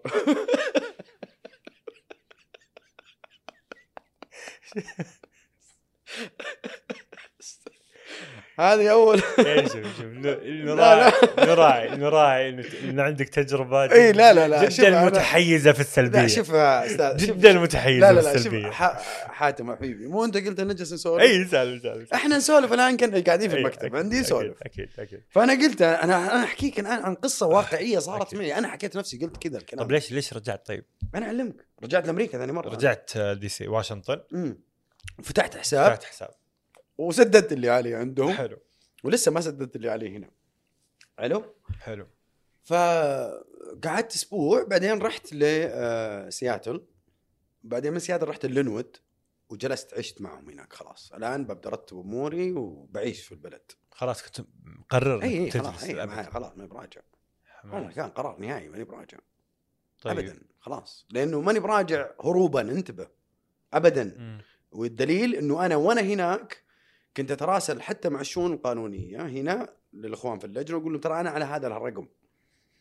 بس إنه أنا أنا كنت خلاص أبغى أسوي أنا كنت أبغى أسوي بز... أنا خلاص أنا بسوي بزنس هناك وفعلا والله يشهد علي ربي. على أساس إنه أنا بسدد كل اللي علي بس أبغى أبغى أطلع من الجو الضغط اللي هنا عرفت اللي آه شفت عقوبة شفت.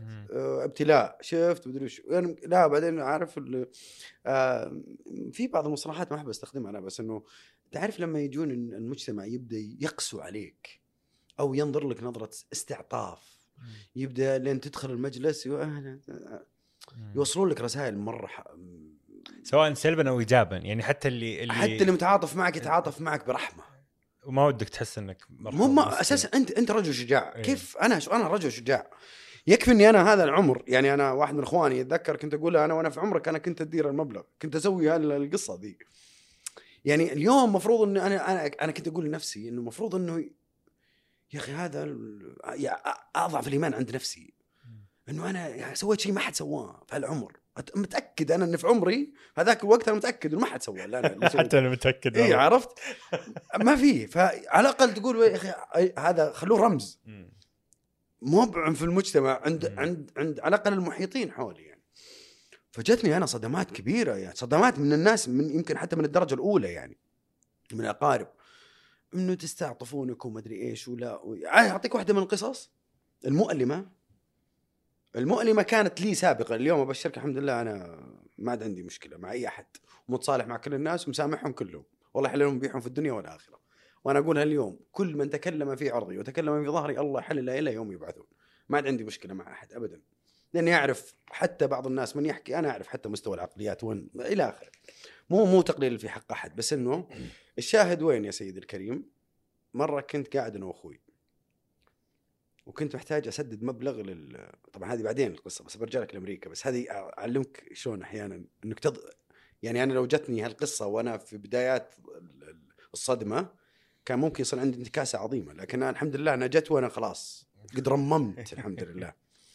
ما يمكن ترميمه يعني. فالشاهد يا سيدي الكريم آه كلمت أخوي قلت له روح لفلان هذا قريب لنا خل حاول يمكن يمكن يدبرنا بمبلغ أسدده للمحكمة لأنه كنت مضطر أسدد مبلغ معين و... وأنا بكلم فلان والله حقيقة هذا أخوي حي يرزق موجودة، هذه القصة أغرب من أغرب الأشياء.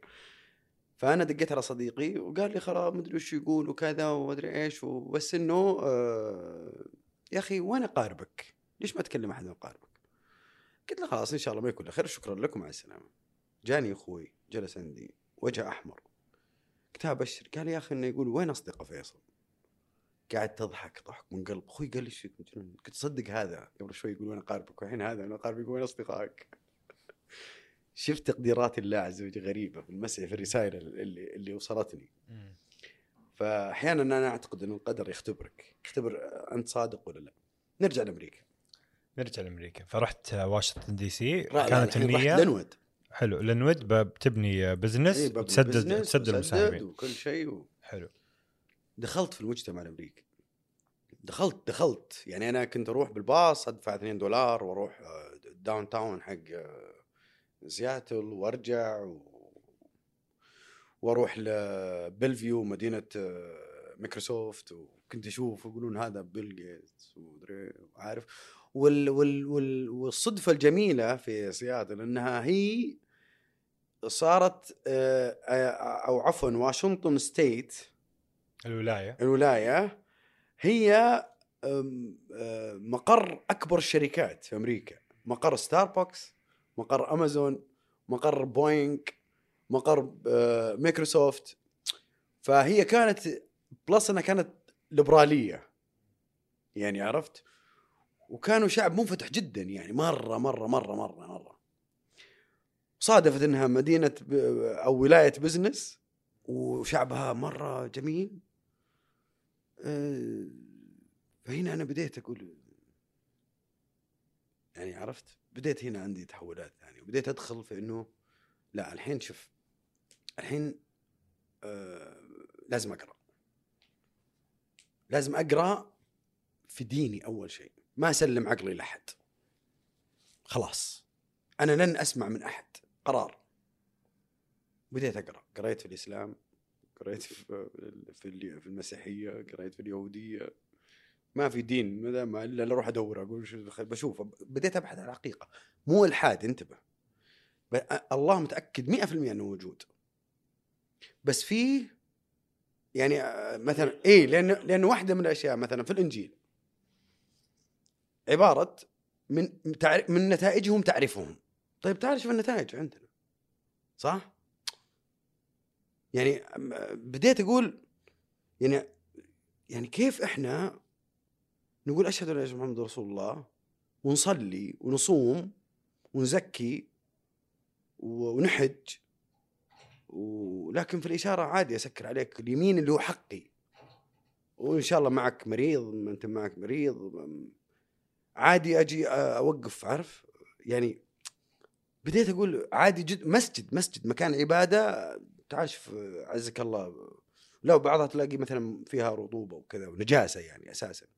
فبدت عندي هذه التساؤلات الكثيرة يعني. إنه في شيء في شيء غلط. يا إنه بديت أقرأ. عرفت هنا إنه لا. إنه السلوك اللي غلط. إنه النظام السيستم اللي الله سبحانه وتعالى أرسل محمد صلى الله عليه وسلم له مختلف تماما عن اللي قاعد أشوفه في الواقع. ووصلت القناعه إني أنا ماني مسؤول عن الناس. ما علي منهم. خلاص. أنا اليوم تحولت من مراقبة الخارج إلى مراقبة الداخل. بس. ببساطة. هذا اللي تعلمته هناك ما تعلمته منهم انتبه. بس الخلوة اللي أنا عشتها. الفترة اللي أنا آه، ما كانت حتى إنجليزيتي آه، كويسة. يمكن إلى الآن مو مرة يعني بس كنت يعني كنت كانوا يعني تخيل إنهم كانوا يقولون عادي عادي. يعني ما كان طبعا يقولون عادي عادي بالإنجليزي بس كانوا يقولون آه إنه يعني آه تكلم. آه، هذه شارك وما أدري اي. لغتك الثانية. إحنا هنا في أريحية يعني في اي إحنا التواصل. إحنا هنا لو لو تنطق ال B P بالغلط قالوا low prof لو low class عرفت؟ واضح إنه. زعلوا زعلوك مرة المجتمع والله مره زعلوك. شوف هو مو زعلوني. هم ما زعلوني قد ما أنا الآن يمكن في البداية زعلوني الآن أنا زعلان عليهم. يعني زعلان عشانهم أسف. لأنه ما هكذا تورد الإبل ابدا. إحنا الله سبحانه وتعالى أعطانا أعظم دين. أعظم دين. عرفت؟ وأعطانا أعظم آه، أنا أقول برنامج حياة. بس للأسف إحنا ما عرفنا نتعامل معه. بعضنا على الأقل ما عرف يتعامل معه. والسبب هذا اللي خلى كثير اليوم من الناس قد يعزل يع- أو يعتزل الناس بسبب إنه أو ما يقدر يكمل يرجع يعيد مشروع مرة ثانية بسبب كلام الناس. يعني آه أنا نصيحتي البسيطة لأي أحد اتركك من مراقبة الخارج وراقب الداخل. راقب جوا أنت، راقب نفسك في غرفة نومك، راقب نفسك آسف، راقب نفسك في في كل تفاصيل حياتك، بس اترك عنك الناس، الناس ما راح تعطيك ولا شيء. ليش رجعت من أمريكا؟ رجعت من أمريكا آه طبعا عشان بدي الوالد. بديت شيء هنا لا اي بديت هناك بديت أفكر وإني أسوي مصنع خشب وصرت أروح وكذا وما أدري إيش. فكان في برنامج حملته أنا في ال application آه، حملته حملته في الجوال آه، جميلة ذاك يخليني أكلم السعودية بظهر ب 10 سنت يمكن. كان. جميل. آه وقتها ما في إنترنت وحركات. إلا في إنترنت بس ما في ما كنت ما كنت أستخدم مثلا بعض البرامج سكايب وقتها، سكايب أيوه. أمي ما تعرف تستخدم مم. سكايب فكنت أبغى أتصل على أمي بالجوال يعطيك رقم أمريكا الظاهر. يعطيك الرقم السعودي يتكلم هذا البرنامج. أنت رقمك حق أمريكا بس يعطيك خصومات. مم. وبعدين تتصل. يمكن الحين يصير مشروع أحد يسويه.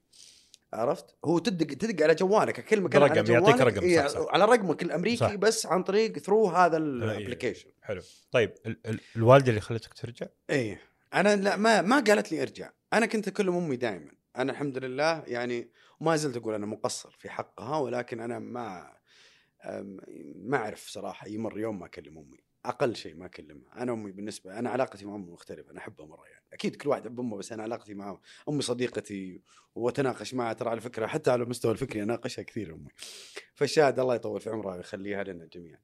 آه حلوة يخليها لنا جميعا يخلي لكم أمهاتكم جميعا. فالشاهد آه كنت دائما أكلم أمي. فمرة من المرات أتذكر كلمت أختي الكبيرة. كانت أمي تكلمني ومدري إيش بعدين كأنها رمزت كذا إلى انه أمي تعبانة. وسبب تعبها أنا إنه أنا شكلي عزمت يعني اي لأني قعدت يمكن كملت شهرين. فأمي ما أمي كانت متخيله زي السفره الأولى شهر شهر ويرجع بس المره شكل الرجال مطول يعني شكل ما فعلا بيعزم مو براجع. فقعدت أقلبها والله حاتم أرجع ما أرجع أرجع ما أرجع أرجع ما أرجع. فقلت لعلها خير خليني أرجع. أمي الزم وفعلا طلعت خير عظيمة لأن هنا زادت علاقتي أكثر بأمي وعلاقتي أكثر بأبوي الله يرحمه يسكن الجنة وعلاقتي أكثر بإخواني.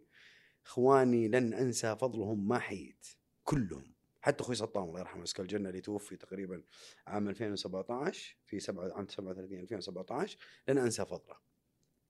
إخواني لهم فضل علي لن أنساه ما حييت. من أكبرهم إلى أصغرهم. لأنهم وقفوا معي وقفة يعني ما أعرف ما ما أقدر صراحة أشرحها لأنه يعني آه، لا توصف. ما لا توصف. حقيقة ما لها ما ما أجد كلمات توصف مشا توصف آه اللي قدموه أخواني لي. كانوا فعلا أخوان الحمد لله. وما زالوا يعني وما زالوا إلى اليوم. القضية اشتغل عليها إيه ما بعد خلصنا. رجعت 2015 أنا في أمريكا جوالي متكفل. بس الواتساب شغال. ف الملف القانوني حق القضية حقتي اللي هو سند اللي أمر سلم لمحامي للجنة. فالمحامي يدق علي يتواصل مقفل جوالي. فأنا رجعت قعدت عند الوالدة وبعدين مدري إيش مشت أموري. أنا قاعد ذاك اليوم في بيتي في أمان الله. رحت للصرافة بسحب ما في. أنا حسبت بطاقتها خربانة. رجعت رحت ثاني يوم للبنك قلت له يا أخي بطاقتي فيها مشكلة قال لا مو بطاقتك حسابك في مشكلة حسابك موقف من مؤسسه النقد كيف مؤسسه النقد؟ ليه وش القصة؟ ما عندي إلا القصة أنا عرفت؟ فمباشرة اتصلت على لا إي والله أنا والله معليش أنا أدورك ما لقيتك وما أدري قلت له يا أخي أنا مرسل المهم صارت صارت كذا بيني وبينه زعلت يعني أنا إنه يا أخي تتواصل معي يعني ممكن أنا طبعا ودوها حالوا القضية. القاضي التنفيذ قاضي التنفيذ أخذ فيها الإجراء. إيقاف خدمات. إيقاف خدمات كامل. كامل. هذيك الأيام ما كان يمكن يمكن الفترة الآن يمكن اشوى شوي. حساباتي توقفت. كل شيء لي توقف. كل شيء حرفيا. من اي تو زد فجأة أنا صرت مو في أمريكا صرت ما عاد ما عاد خلاص. يعني هنا آه، جت الصدمة اللي أنا ما يعني كانت بالنسبة ما ما أقدر أوصفها لك لأنه فجأة كذا يعني مصروف ما عاد أقدر يعني عارف مصروف؟ ما في ما في مصروف. خلاص كل شيء توقف. فبديت أنا يعني رجعت لش... رحت من يا جماعة الخير مو بصحيح كيف؟ قال خلاص إجراء صار وما عاد نقدر نسوي شيء. كيف إجراء؟ طيب يعني إذا تبغوني تبغاني أسدد اليوم كيف أسدد؟ صح؟ هذا هذا أكثر سؤال. بديت أرجع إيش اللي صاير يا جماعة؟ ما كان النظام بس أشوى الحمد لله الآن تغير. كان هذاك النظام على طول كل شيء يتقفل. كل شيء يتقفل مرة واحدة و... طبعا لا أقدر أشتغل ولا أقدر أتوظف ولا أقدر أنقل سيارة ولا أقدر أنقل شيء ولا أقدر أبيع ولا أقدر أشتري ولا أقدر أسوي ولا شيء. خارج خارج النظام تماما. في هذيك الفترة لحظة ما بعد خلصت بقول أسلم. في هذه اللحظة آه، فترة أمريكا كانت فترة تحولات صح؟ فكرية ومدري إيش ومجتمع. الآن هنا قلت كيف تطلع من هذا المأزق لازم تسوي شيء. فما ما أنا يمكن أنا شخص ما أحب أستسلم. ابدا. فبديت على طول مباشرة. بديت أشتغل في شغلات كثيرة يعني. صار هدفك إنه بسد المساهمين. صار بهدفي باكل واشرب الحين. آه طيب. خلي المساهمين من مشكلة المساهمين يعني ياكلون يشربون وعندهم أرباح الكلام علي أنا الحين اللي ما عاد أقدر أسدد فاتورة كهرب. فرحت بديت أسوي بديت أستثمر من جديد. اي أعلمك كيف أستثمر. هاي هنا هنا اللي شلون بدت عندي إلى اليوم الحمد لله فكرة الخيارات. أنا اليوم ما عاد لا يعني أنا أستغرب حتى الحين ما طبعا مو بستغرب بس أعرف إنه الناس بعض الناس لما تجي مشكلة ولا شيء يحس ما في إلا حل واحد. لا لا لا لا تخاف في حلول كثيرة ابشرك الحمد لله الله سبحانه وتعالى يعينك يعني. فجيت فكرت الآن أول شيء الحين بيت. أنا ترى ما عندي بيت يعني ما كان عندي بيت ابدا. ليش؟ حتى ذكر كانوا يقولون اشتري بيت. قلت لا والله ما أشتري بيت. كذا أقول والله ما أشتري بيت لين ارجع فلوس الناس كاملة. ما أبغى أحد يجي يقول والله ساكن بيت على حسابي. مقربين لي كانوا يعرفون هالكلام. فقلت الحين أصبر أول شيء أبغى أسكن في بيت. ففي واحد من الشباب الله يذكره بالخير أبو فارس. أه وهذا من الأشخاص اللي برضو أوفياء جدا وما قصر معي. أه ف ودي أقول اسمه بس اخاف يزعل صراحة. ولا والله أنا على طرف لساني وما زلت أحبه يعرف نفسه. مرة أبو فارس. هذا الرجل سكنني آه، في البدايات سكنني في فندق هنا على طريق فهد شهر كامل. اي بس ألقى بيت وألقى. المهم الشاهد رحت استأجرت عمارة كاملة. شوف المغامرة. استأجرت عمارة والله صحيح. استأجرت عمارة كاملة. رحت للمالك وقلت له أنا بستأجرها كلها كاملة منك. قال خلاص وكذا ومدري اتفقنا على رقم. حسبتها أنا لقيت إنه أنا بسكن ببلاش زائد بيجيني 30 ألف ريال كل كل سنة زيادة. إيه لأنه باخذ شيك واحد. فأنا بتح... بس بيصير عندي مخاطرة واحدة اللي هي إنه أنت مثلا تسدد في شهر هذا هذا بيسدد هو لا يبغاها مني في شيك واحد. فقلت أنا اجمعها سهلة. عرفت؟ استاجرت ما وقعت سند. لا لا الحمد ما وقعت بس إيجار. إي أخذت إيجار استثمار مدة خمس سنوات. حلو. أخذتها خمس سنوات. فاستثمرتها كلها كامل.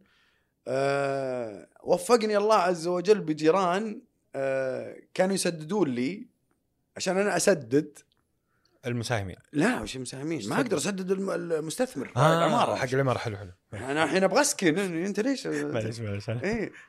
فجيت بس جيت يا طول العمر السلامة وصرت أخذ بعض إيجارات. اخذ أخذ الإيجارات كاش حلو. وأسددها للرجال. حلو. حلو. ويبقى لي 30000 في السنة يعني تتكلم على 2700 وكذا تسدد فواتيري و... وساكن. وهذا فقط كان دخلك؟ هذا دخلي. فقط, فقط لا غير. كان هذا دخلي. في 2017 تفضل. دقيقة. ما أدري كيف أسأل هذا لا السؤال. أسأل أسأل. في في ال- ال- البرستيج الاجتماعي في أيوة. ال ال ال الوجاهة الاجتماعية اللي وجاهة، كانت عندي أنا. تلبس لما إيه. تروح كيف تروح؟ لا لا ما عندي كيف كنت مشكلة. تتعامل مع الوضع؟ أنا أروح. يعني صار في سقوط في في دخلك العام في هذيك الفترة. إيه، تخ- صار في drop كذا نزول. في كل مص- في مصاريفك كل مصاريفي في كل شيء في كل شيء صار. لكن هل, هل داخليا بينك وبين نفسك في البيت كانت تحس بنقص؟ ابدا. أقول لك شغلة. ليش؟ الحمد لله رب العالمين. قلت لك الترميم اللي أنا سويته هناك آه، هو أنا أخوي حاتم يعني ما بس الحمد لله أنا رجل شجاع صراحة يعني أنا ما عندي مشكلة أنا مؤمن بأنه أنا أنا ما كانت عندي مشكلة ليش؟ لأنه أنا أقدر أسوي إذا أنت واثق فيني أقدر أسوي معك business يعني أنا كانت ما مشكلتي مع الفلوس أنا مشكلتي مع الناس. الفلوس ما عندي مشكلة معها أنا عارف شلون أجيب فلوس. الفلوس مو صعبة. يعني أنا اليوم أقول لكل إنسان الريال ترى زي المليار والريال يهز المليار. يعني اليوم. أنا جيت قلت لك خذ يا أستاذ حاتم هذا ريال. وروح الله يوفقك بعد ستة شهور جيب لي ريال ونص. وش بتسوي؟ بشتري شيء وببيعه تروح تشتري موية؟ إيه. بنص ريال صح؟ تشتري مويتين. وش بتسوي؟ ببيعها. تروح تبيعها. بعدين في نفقة آه، أو في مصاريف. آه بتقول لا بروح أرجع إيش؟ بشتري موية واحدة بنص بصرف نص. ببيع دي بريال. في في آلية أنت قاعد تسويها صح؟ عشان تجيني أنت بعد ستة شهور يلا يمكن يمكن ما عندك خمس ست كراتين مثلا. آه عفوا خمس ست حبات. ليه؟ لأنه الطريقة واحدة هي إنك تشتري بجزء من رأس المال وجزء ثاني تدفع عليه مصاريف وبعدين ترجع تبيعه بعدين ترجع تغطي. دائرة واضحة. طريق البزنس واضح. تضيف قيمة في النص تضيف قيمة. فأنت خلاص. المليون والمليار نفس الآلية هو مع الريال. يعني أعطيك مثال. واحدة من ال من ال من ال من التطبيقات مثلا. مرة كذا جالسين مع واحدة من أخواتي والوالدة بعدين ما اطلبوا من مطعم معروف وبعدين كذا أنا سألت كم الفاتوره؟ قالت لي الفاتورة برقم كذا. قلت لي كثير كثير على هالمطعم يعني. قالت لا عادي وأدري إيش. ناظرت لأن ال application هي طالبة مني يزود ريالين كذا. قلت هذا زايد ريالين. على مثلا على وجبه قيمتها آه 20 ريال مثلا وزايد ريالين. تقول لي يا أختي ريالين عادي؟ قلت لا مو ريالين عادي هي 10% طيب أنا لو جيت وقلت لك مليون بزودك عليه 100000 توافقين؟ قالت لا. شفتي وش وين المشكلة؟ هذه مشكلة الناس في ال business. مشكلة الناس في ال business انها يأخذونها بحجم الرقم. لا هي بال percentage بال بال. بالنسبة, بالنسبة. حلو. الريال أنت تسوي عليه نفس الإجراء اللي تسويه على المليار. بس. بسيطة يعني. بس حجم الثقة يفرق. إي لكن اليوم لما أجي أنا معي ذا الموية وأنت سامع انه فيصل سارق فلوس الناس وما أدري عارف؟ سامع قصة طويلة وأنه كان وأنه كان يروح وكان يسار وأجي أقول لك ابيع أكثر ما تقول لا يمكن تبي تلعب علي. ما تلقى أنا ثقة. الثقه في الناس. يعني الناس بدأت بدأت تقول يعني اليوم واحد يتعامل معك يتعامل معك هو يقدم رجل ويأخر رجل يا أخي من حقه. لأنه قاعد يسمع هو. و- وحقيقة يعني أنا آه، يمكن واحدة من الأشياء اللي طرحها أستاذ عبد الله يوم قال تكلم وكذا لأنه أنا مليت إني أحكي قصتي. كل إنسان بيدخل معي في business ولا بيدخل معي في حياتي أنا مضطر أحكي له القصة. مح- مضطر أقول له هذا اللي صار. فصارت متعبة بالنسبة لي. فهذه الحلقة بتصير هذا بيصير هذا ال document واضح واضح في سعي لكل واحد يدخل معك business في الحلقة. واضح. هو انحضر القسم أنت فليقتسم واضح إنه في إيش؟ في سعي خلاص. إن أحد يدخل معي أي أحد يدخل معك بزنس و- آه وتسمع أي هذه الحلقة إيه. ونحضر. القسم أنت فليقتسم تستاهل ما يحتاج. والله أنت راعي الأول. لا. طيب. آه ف... فسكنت في الشقة. لا لا. اي أقول لك سكنت. حلو. فكانت آه، بعدين آه، طبعا هنا في, في هذه المرحلة آه، برضو في أشخاص. شوف آه، أنت ما تجي تقول إنه المجتمع كله سيء. لا أنا ما أقول كذا ابدا. في أشخاص حتى هم أغلى من الذهب مرت على في هذه المرحلة بعلمك برجع لترك الدخيل. هذه المرحلة أنا عانيت شوي من الكاش مرة. فدقيت على تركي قلت له أبو عبد الله صديقه صديقي صديقي يعني جعل اسم. قلت له أبو عبد الله أنا محتاج مبلغ أسد فيه المساهمين يعني أو أسد فيه حاجتي يعني. أبغى شيء أبغى أتحرك. قال آه، يعني حكيت له الموضوع هو عارف أساسا الموضوع وكذا ويعني يعني ما يعرفها بتفاصيله بس يعرف ويعرف فيصل زين هذا من الأشخاص اللي آمنوا بفيصل. يعني أنت ما تعرف كيف تركي كان كان أحيانا يرسل لي رسائل هذا الرجل عظيم صراحة صدقا. والدليل شوف هو وفائه الآن مع الناس اللي حتى يعني اليوم في تويتر شوف كيف أحيانا يجيب شخصيات وفي هذا الرجل وفي وفي جدا يعني.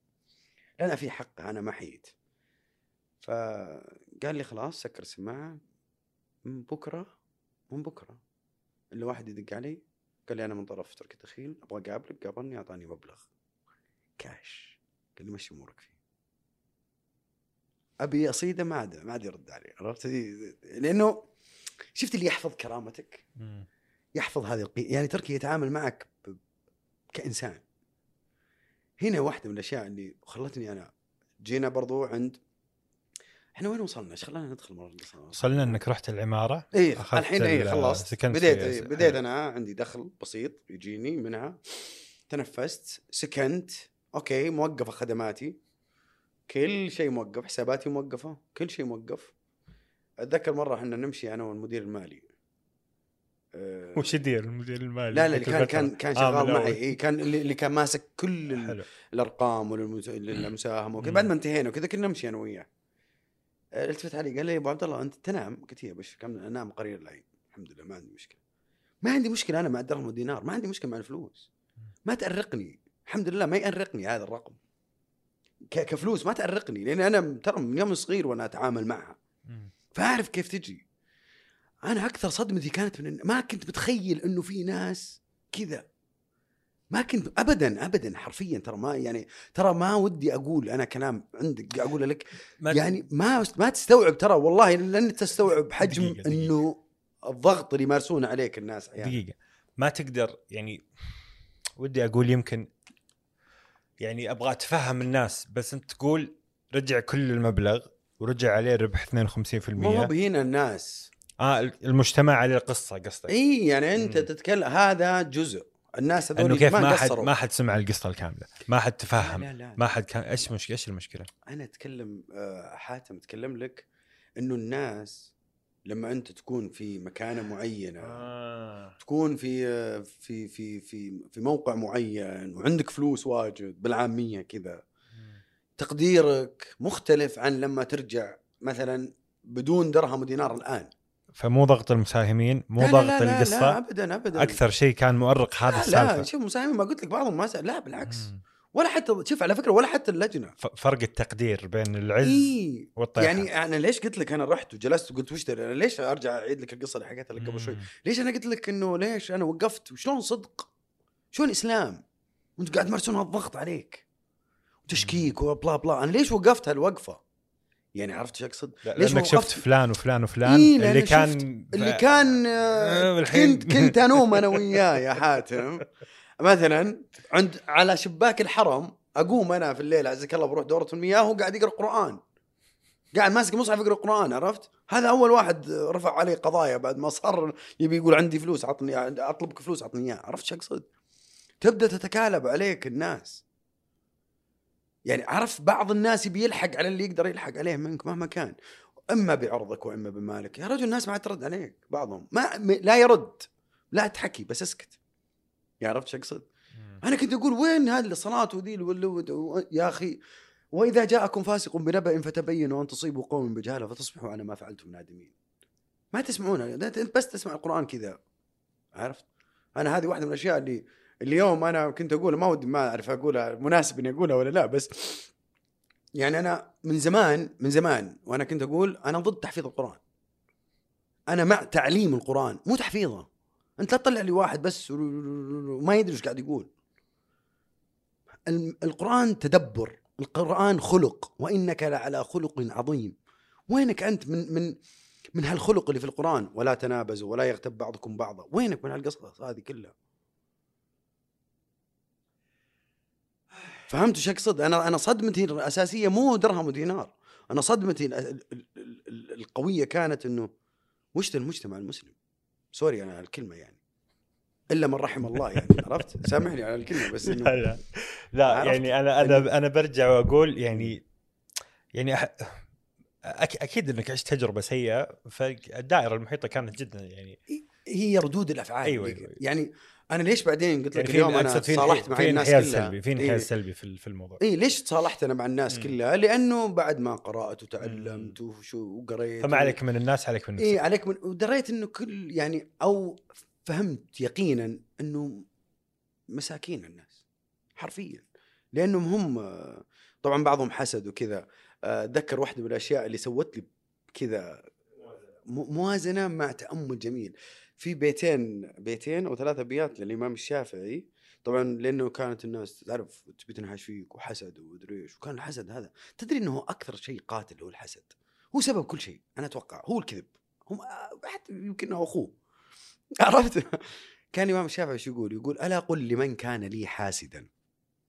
أتدري على من أسأت الأدب؟ أسأت على الله في حكمه لأنك لم ترضى لما وهب. فأخزاك ربي بما زادني وسد عليك وجوه الطلب. شوف الإمام الشافعي شو وصف الحسد بأنه قلة أدب مع الله. وكثير من الأشياء نشوفها إحنا في الشارع قلة أدب مع الله. هذه واحدة من الأشياء اللي أنا قلت لا أنا ما أبغى أصير قليل الادب مع الله. أ- أ- أضعف الإيمان يعني. فعلا. نرجع. تعتقد إنه هذا التغيير ال- في الفكر اللي خلاك ترجع لنفسك آه، هو اللي إيه، خلاك ترجع خلاك ترجع تقوم.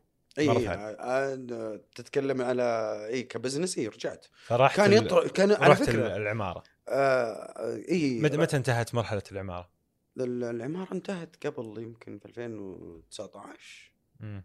2019 2020 ده كذا لأنه س- رحت سويت مشروع ثاني سويت مشروعين. تبغى نتكلم عن المشروع الثاني؟ اللي تبي أنت ما أنا معك على راحتك. أنا أنت على راحتك أنت. لا لا أنت براحتك. أنا أنا آه، شوف الوقت وما الوقت معك إلى ما طيب ننتهي. المشروع بس الثاني عشان، إيه، آه، المشروع الثاني. ما راح نقطع شيء فما أبغى شيء يضرك لا يعني. المشروع الثاني طبعا أنا بعد ما خليني أعلمك شغلة.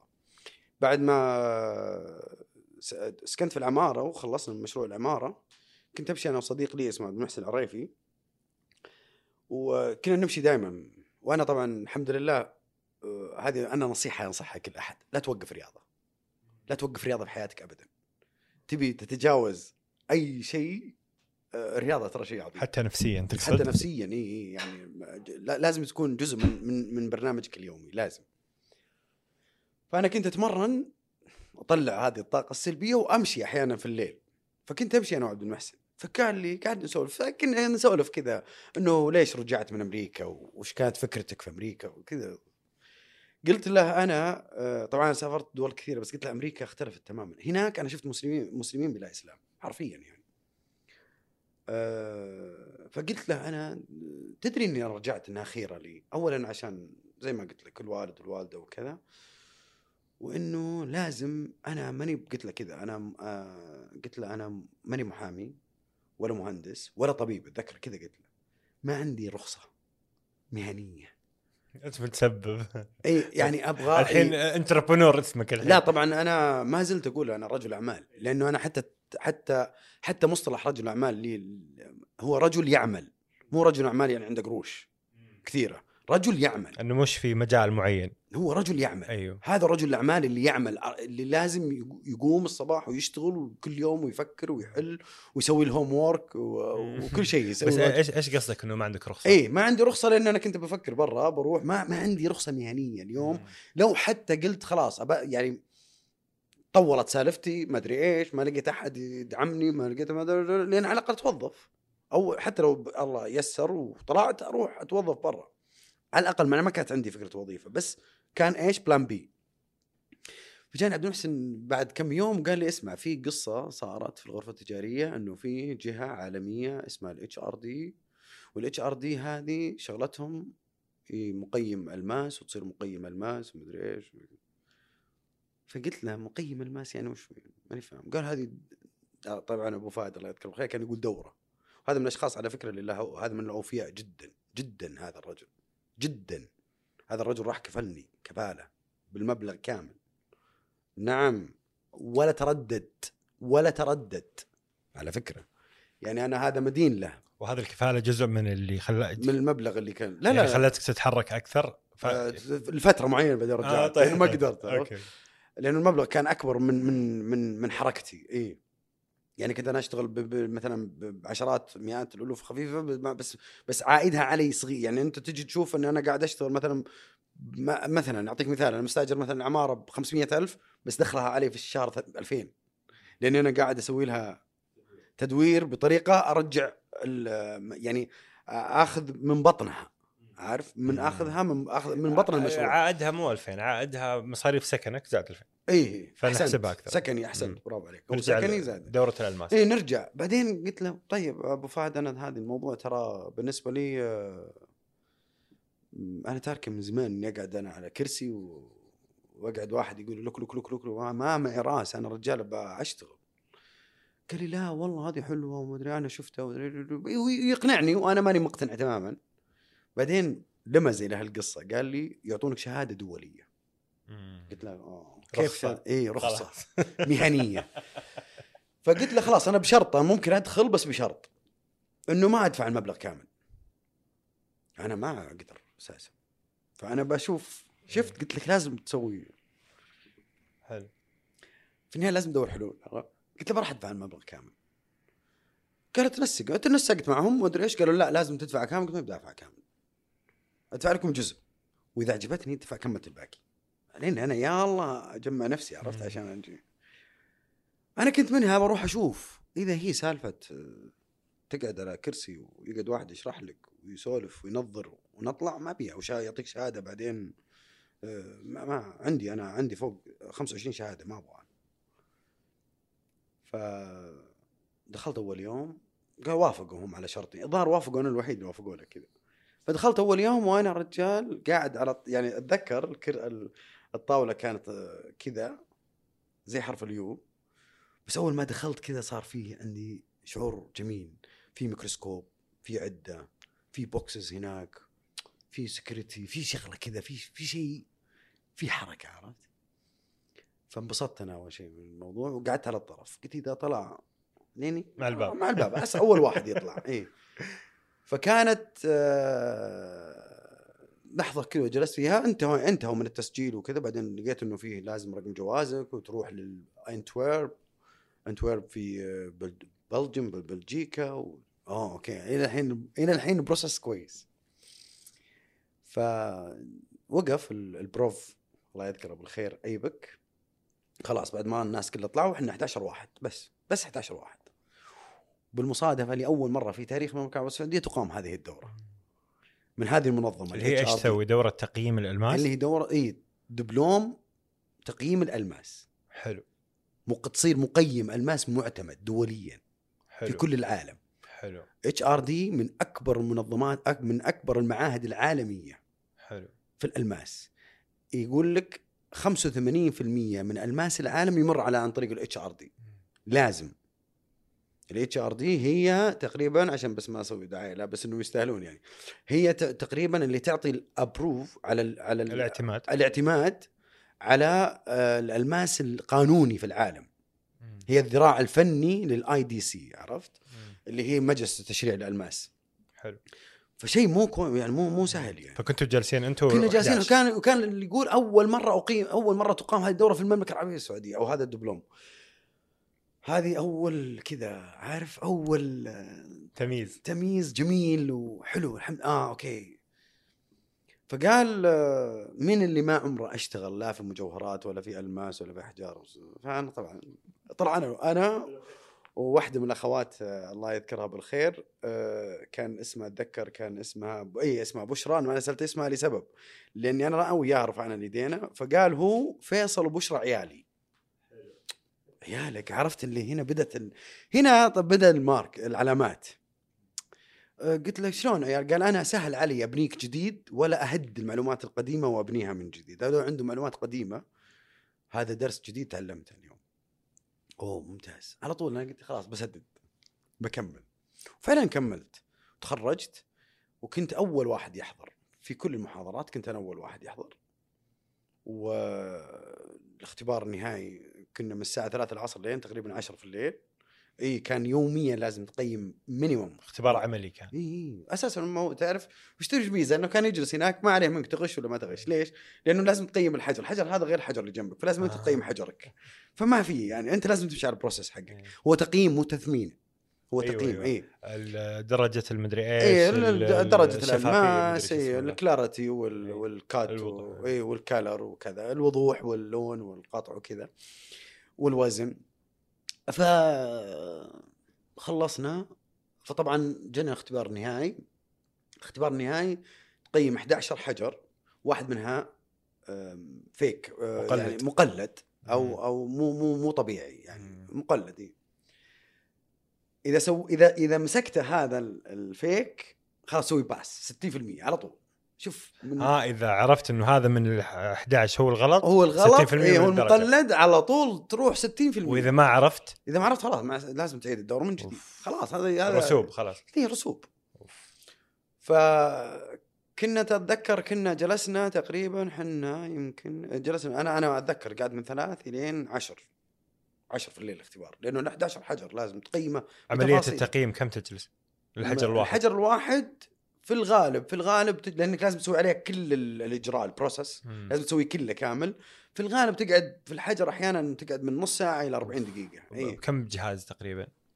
أه، تستخدم؟ إيه. تستخدم طبعا جهازين أساسيات لأنه مو ال- الجهاز الوزن مم.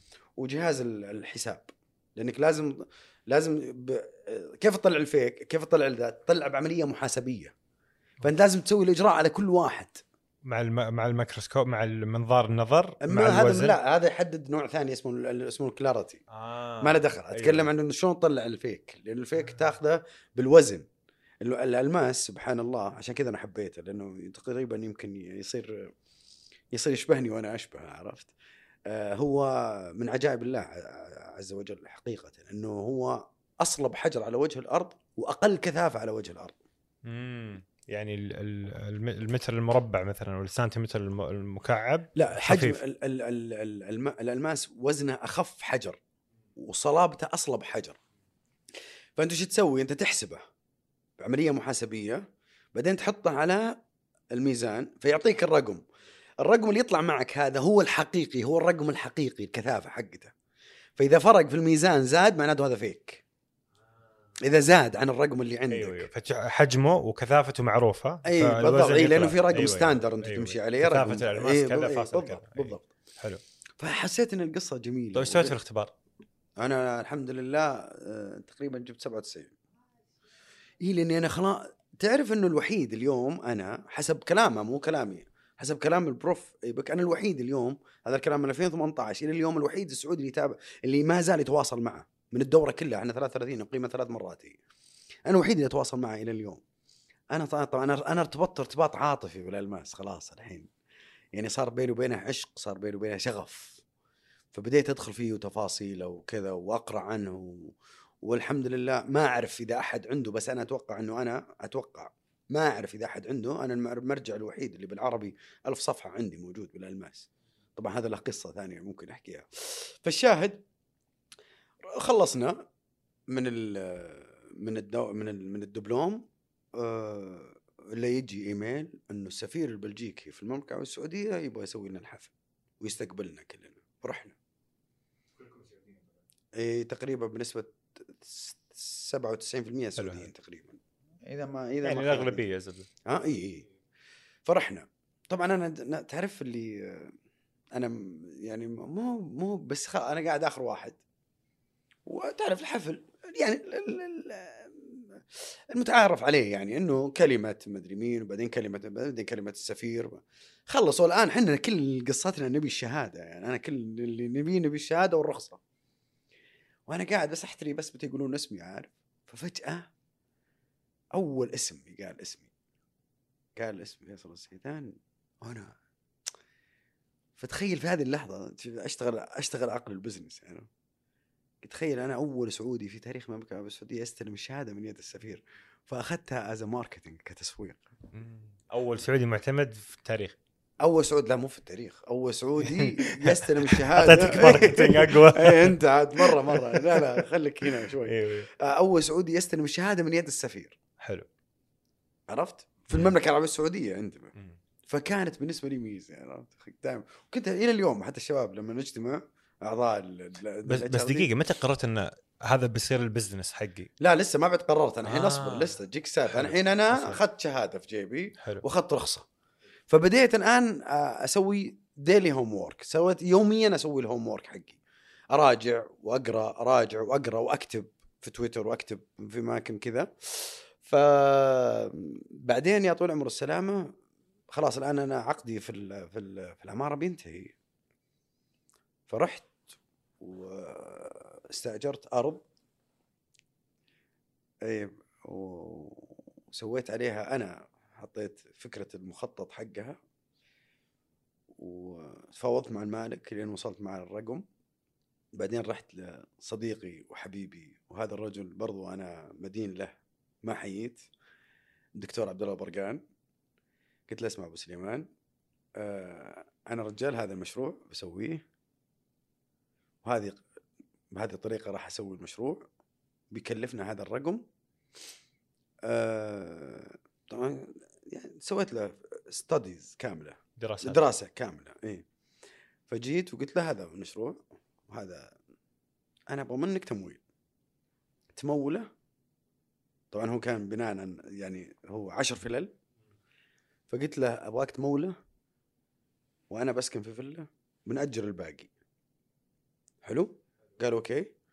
بعدين تسترد رأس مالك أنت بعد خمس سنوات أدخل أنا وياك النص بالنص. فقط إذا استرديت رأس المال. إذا استرديت رأس مالك أدخل أنا وياك شراكه حلو. فهي كأنها 10% إلى- اذا إلى استرداد رأس المال ف 50% بالضبط. خلاص يصير 50 50 بس أنا أسكن ببلاش لأنه ما عاد أبغى أدفع ايجار آه. وتملك ولا ما تملك؟ لا ما أملك. شلون أملك؟ يعني ال- الشيء الفيلا هذه تصير حقتك؟ اسكن فيها بس. آه بس ما ادفع إيجار. إيجار. ما ادفع إيجار له. آه أيوه فهمت. لأنه هو أنا شريك فيها ما ادفع إيجار. أيوه أيوه. فما أدفع إيجار لأنه بنستثمر. لكن الأرض نفسها استثمرتها أنا باسمي. أنا رحت. وقعت مع المالك. حلو إي لأنه أنا لازم آخذ هذه أيوة. الخطوه لازم. يعني أحيانا لازم تاخذ لازم تصير لازم تصير جريء. أي. أو لازم تصير جسور لأنه فرق بين الجريء والجسور. آه. وعجبته الفكرة؟ آه عجبته الفكرة واللي عجبها أكثر أتوقع طبعا بس ما صرح إنه يبغاني اتحرك حلو. كان أبو سليمان جعله يسلم أبو سليمان على فكرة ترى تكفل بأشياء كثيرة بس ما راح أحكي عنها الحين. في أشياء كثيرة تكفل فيها جعله يسلم يعني ما قصر. أبو سليمان برضو من الأشخاص عندك في نفس ال... أبو سليمان ما قصر ابدا. يعني تركي وعبد الله آه، كثير والله. مكتب التركي عبد الرحمن وعبد المحسن والشيخ عبد العزيز آه، أشخاص والله كثيرين جميلين يعني اوفياء حقا يعني. عبد المحسن عريفي. والله كثير أسامي إن شاء الله يسعني الوقت وهذا اللي, اللي تحتاجهم في الحياة عشرة بس. احسنت عشرة شفت هذولي؟ خمسة خمسة. هذه هذولي مو ال 3000 اللي في في العز. اي شفت هذولي؟ هذولي اللي يعطونك الدافع القوي جدا اللي بعضهم ترى حتى ممكن آه، يعني يضحي بنفسه صدقا يعني. صدقا ما أمزح ضحي بنفسه يعني. آه، ليش؟ مو ترى يعني إنه يضحي بنفسه من باب دراما لا. تخيل إنه لما واحد يجي يضحي تضحي ويقول والله يا فيصل أنا مؤمن فيك إنك تبي ترجع. تعرف ترى هذه كلمات جميلة يا أخي. تحسس كنا يعني في أحد مصدق. أحد مصدق عارف قدرتك. ترى هذا شيء جميل. مو بجميل إلا رائع بعد فوافق على المشروع. وافق على المشروع. حلو. بدينا. وبدأ المشروع طو... أنت سي... أنت الآن المطور العقاري تقريبا صح؟ اي أنا الحين مطور عقاري. حلو. ف بدأ المشروع قام المشروع. كنا حاطين دراستنا على رقم إنه نجيب هذا الرقم. هذا الرقم إذا جبناه آه يصير العائد يرجع ما بين أربع إلى خمس سنوات. كان هذاك الوقت الإيجارات والعقار مزدهر ماشي أموره تتكلم 2019 2017 هذه بداية 2017 آه 17 حلو. إي بداية 2017 آه بداية 2017 إي. بعدين أنا طبعا هذا فكرة هذا المشروع فكرته سويتها بعدين آه هذه الفكرة. فالشاهد آه بداية 2017 كانت بداية الفكرة إن عشان أنا أنقل. آه، إيش كنا بنحكي عن؟ إي فالعائد بداية العقار على آه، خمس سنين. كيف خمس سنين؟ أنت تقول دراسة على خمس سنين إنه يرجع يرجع راس العقار كان في ازدهار حلو. كان في ازدهار عقار مرة يعني كان عادي تأجر فله برقم يعني. في 2017 نهاية 2017 بداية 2018 صار فيه نزول طيب. للعقار بشكل كبير حتى حتى بالايجارات فاختلفت أرقام دراستنا. مم. فصارت بدل ما هو خمس سنين نبي نقعد ثمان سنين أو تسع سنوات. فاخذت الأوراق ورحت لأبو سليمان. قعدت عنده في البيت قلت لأبو سليمان هذا اللي صار الحين. والله الرجل قال خلاص بكمل. بكمل بكمل. لأنه المفروض إنه يرجع. طبعا هو الطبيعي إنه رأس المال لما تضخه قال خلاص بنكمل بنكمل. ما عليك إن شاء الله. وخلاص.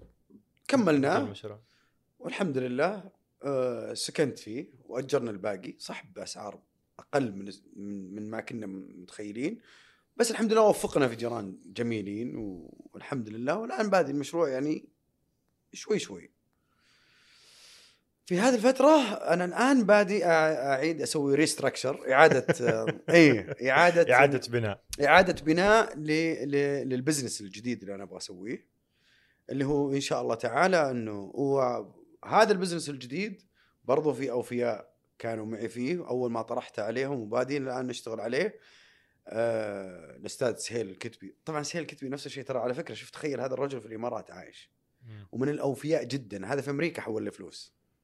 وهنا في السعودية كان يحول لي أحيانا مصروفي. ما أكذب. نعم. أبو محمد من الأوفياء. هذا الرجل أعرفه من عام 99 2000 وشوف هناك وين فيه؟ وما زال إلى اليوم إلى يومك إلين آخر مكالمة كانت بيني وبينه أمس أو الجمعة الجمعة كانت بيني وبينه مكالمة آه كان يقول لا تشيل هم ترجع فيصل. هذا الرجل هو ويمكن اثنين وثلاثة تقريبا اللي ما زالوا يعملون فيصل القديم هو نفسه. ما ما تغير عليهم شيء. وأخوي وحبيبي وصديقي محمد الدايل وعبد الرحمن برضو هذول من الأشخاص اللي الآن قاعدين نبني معاهم مشروع جديد. طبعا هم رأس المال كامل هم أنا بس تطوير. إدارة تطوير وباخذ نسبة آه، إن شاء الله بعد مرحلة معينة. كذا طبعا هذا مسوي لها آلية جديدة يعني. آه بس في, في طالع عندي صوت جوال يرن. عندك جوال يرن؟ معلش لا ما صوت الشبكة. ما عندي جوال. جوالي معلش فالآن الخطة لو الماس لو وتطوير قلنا- عقاري لو قلنا مثلا تسجيل مباشر كان نكون حدك علينا عاد. إي صح إيه. لا لا تعرف آه، okay. هذا طلع. آه بضبط الزبدة في المونتاج مو إن مشكله شاء الله والآن في الالماس الان إي الآن آه، خلاص صارت آه، تقريبا يعني أنا دائما أقول أنا انتقلت من آه، من شو اسمه من اهتمام أو مو من اهتمام من خلينا- صناعة. من- انتقلت من صناعة سطح الأرض إلى صناعة باطن الأرض. إلى الألماس. إلى الألماس. إيش فرق آه ما أدري أصلا هذه الأسئلة عادي إني أسألها. اي لا اسال اسال إيش فرق نفسيتك الآن وشعورك بال... بال... بالحماس وال... وال... والقدرة عن الرجوع مرة ثانية؟ عن اسوء اسوء مرحلة كنت فيها؟ شعوري عظيم بالعكس. آه والله أقول لك شيء أستاذ حاتم حبيبي حاتم أنا أقول لك شغلة. اليوم أنا في أنا أعيش أجمل أيام عمري. عندي خبرة كبيرة تعلمت أشياء كثيرة. أنا ما خسرت إلا فلوس بس. ترى أنا ما عندي مشكلة إلا في الدرهم والدينار فقط لا غير. وهذه سهلة يعني مو ما مو قصة عظيمة يعني. يعني الحمد لله أنا ما عندي أي مشاكل إلا يعني بس إنه عارف سوء إدارة مالية مع إنه أنا رجل أحب الأرقام يعني. بس أحيانا أنت تقدم العاطفة وتقدم المرجلة في طقه الصدر على المنطق والعقل وعلى الأرقام. وهذا اللي ما هذا اللي المفروض إنك ما تسويه. تحتاج مرجلة بس إلى حد معين. شوف تحتاج ثقة. أيوه أنت في في شوف في في مساحة معينة هنا لازم تكون هذه مرن أنت فيها. غير لا أكثر من كذا لا. إيه. أكثر من كذا لا. لأنه أنت إذا خسرت أنت مو مشكلة. على فكرة ترى أحيانا مو مشكلة إنك تخسر أنت. بس انت خسارتك مترتب عليها موظفين بيطلعون من عندك مترتب عليها عائلة بتروح مترتب عليها قصص كثيرة بتروح. فأنت لما أحيانا لما تشتغل لحالك يعني أنا في بعض المرات مثلا آه كنت يصلح أقولها القصة ما راح نقطع شيء إذا. أنت تح... إذا أنت قيمها. آه خليني بعلق شغلة. يعني غيرها شوي قولها. ها؟ غيرها لا لا شوي. مو قصة تغيرها. ها. أحيانا أقول لك مثلا أنا من الأشياء اللي يعني مثلا أعطيك مثال. أنا في لحظة من اللحظات اللي ما عندي ما عندي دخل يعني عرفت؟ إيش سويت؟ كنت أشغل سيارتي أروح للشرقية. أجيب سمك وأبيعه في الرياض. نفس اليوم. فمو بقصة إنك تجيب فلوس. ترى كان رأس مالها 500 ريال 700 ريال. كنت تدخل كويس. يعني تدورها مرتين ثلاث مرات في الأسبوع. يعني معليش سامحني بس إني أنا دائما أقول للشباب يا أخي والله العظيم في فرص كبيرة. والله في فرص. بس وش يبغى لها؟ يبغى لها ما تنام يعني الوالدة الله يطول في عمرها دائما تقول تقول. ما ودي عاد أقول بس عاد تقول الرخامة مرقد دافي من بغاها ينسدح فيها عرفت؟ يعني لا تتسدح وتقول أبي فلوس، لا تتسدح وتقول تحرك يعني مو تحرك بعشوائية ولا تحرك لازم تسوي برزنتيشن وتسوي يا أخي انزل السوق السوق يعلمك والله يعلمك السوق يعني لا تجي اليوم أنا مثلا اليوم أنا أقول لك لا والله صادق والله. واحيانا كثير أنا أمر مع الشباب. أمر أشوف المشروع أنا أشوف المشروع كذا أقول له هذا ما راح يكمل. يقول لا تتفاعل عليك. ما له دخل. شفت؟ نرجع لسالفتنا الأولى اللي هي العاطفة. العاطفة وإنه لا تدفع ما له دخل. قلت لك القدر والبرنامج اللي الله سبحانه وتعالى أنزل لنا في الحياة الدنيا ما هو بعاطفي. في process في إجراء. إذا ما تسويه تخسر. أنا اليوم لما أشوفك هذه آليتك بهال business اللي أنت قاعد تسويه والله العظيم راح تخسر والله أحلف. إنه راح تخسر راح تسكر بكرة. لأنه أنت قاعد تسوي غلط.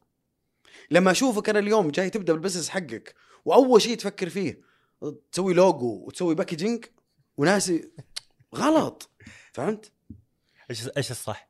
الصح إنك أول شيء تجي تمسك نفس المنتج حقك وتدرسه تتعلمه لسبب واحد. يا أخي أنا ما راح أستخدم عبارة لكن هي في السوق عشان ما حد يلوي يدك. ما تضطر تجيب أحد بكرة. عرفت شلون؟ آه لو راح من عندك ولا سكر جوالك أنت ت... معليش تقعد تبحث وتدور تعيد نفس if أنت اليوم قررت تسوي قهوة. روح افهم القهوة. اعرف كيف تصنع القهوة. بحيث إنه لو لا قدر الله عمالك راحوا أي أحد راح من عندك لأنك أنت توقف على ال business حقك. ما يوقف ما يطيح.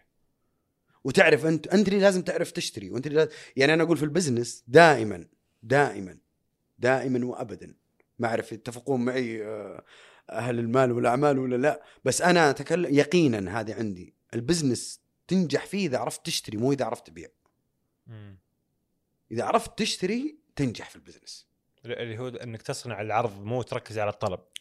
ت- لا لا اي اليوم البيع سهل. مم. أنا أقدر أقول لك آه، إيش ما. ما فهمت إيش يعني كيف تشتري؟ تشتري يعني اليوم أنت شلون تسوي ال business business تروح تشتري منتج بريال وتبيعه بريال ونص حلو لكن لو شريته ب 75 هللة هو سعره في السوق بريال ونص أنت آه. هنا أرتفع ال margin حقك لو شريته بنص ريال مم.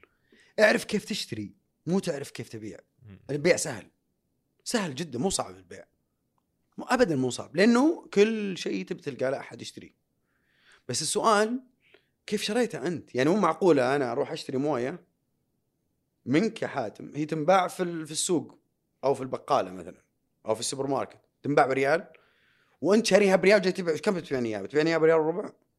ما راح أشتريها منك. فهمت شو أقصد؟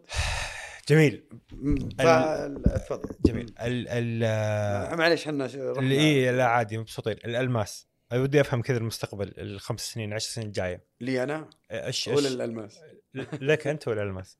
أنت ألماس يا حبيبي، والله إنك. عمله أنت عمله نادره عموما الله يعني. يسعدك شكرا لك والله هذا من من نادر. لطفك. أنت أنا شهادتك متحمس- متحمس أج... شهادة محب لا والله أني متحمس أج... أنشر الحلقة واشوف أشوف يعني ودي أشارك الناس هذه التجربة اللي أنا عايشها الآن أنا الآن الجمهور رقم واحد إي بس ودي ودي شكرا أشارك لك بس مشاعرك حقيقية واصلتني إي والله أنا أنا. قول لي ال- الخمس سنين الجايه إيش تتوقع؟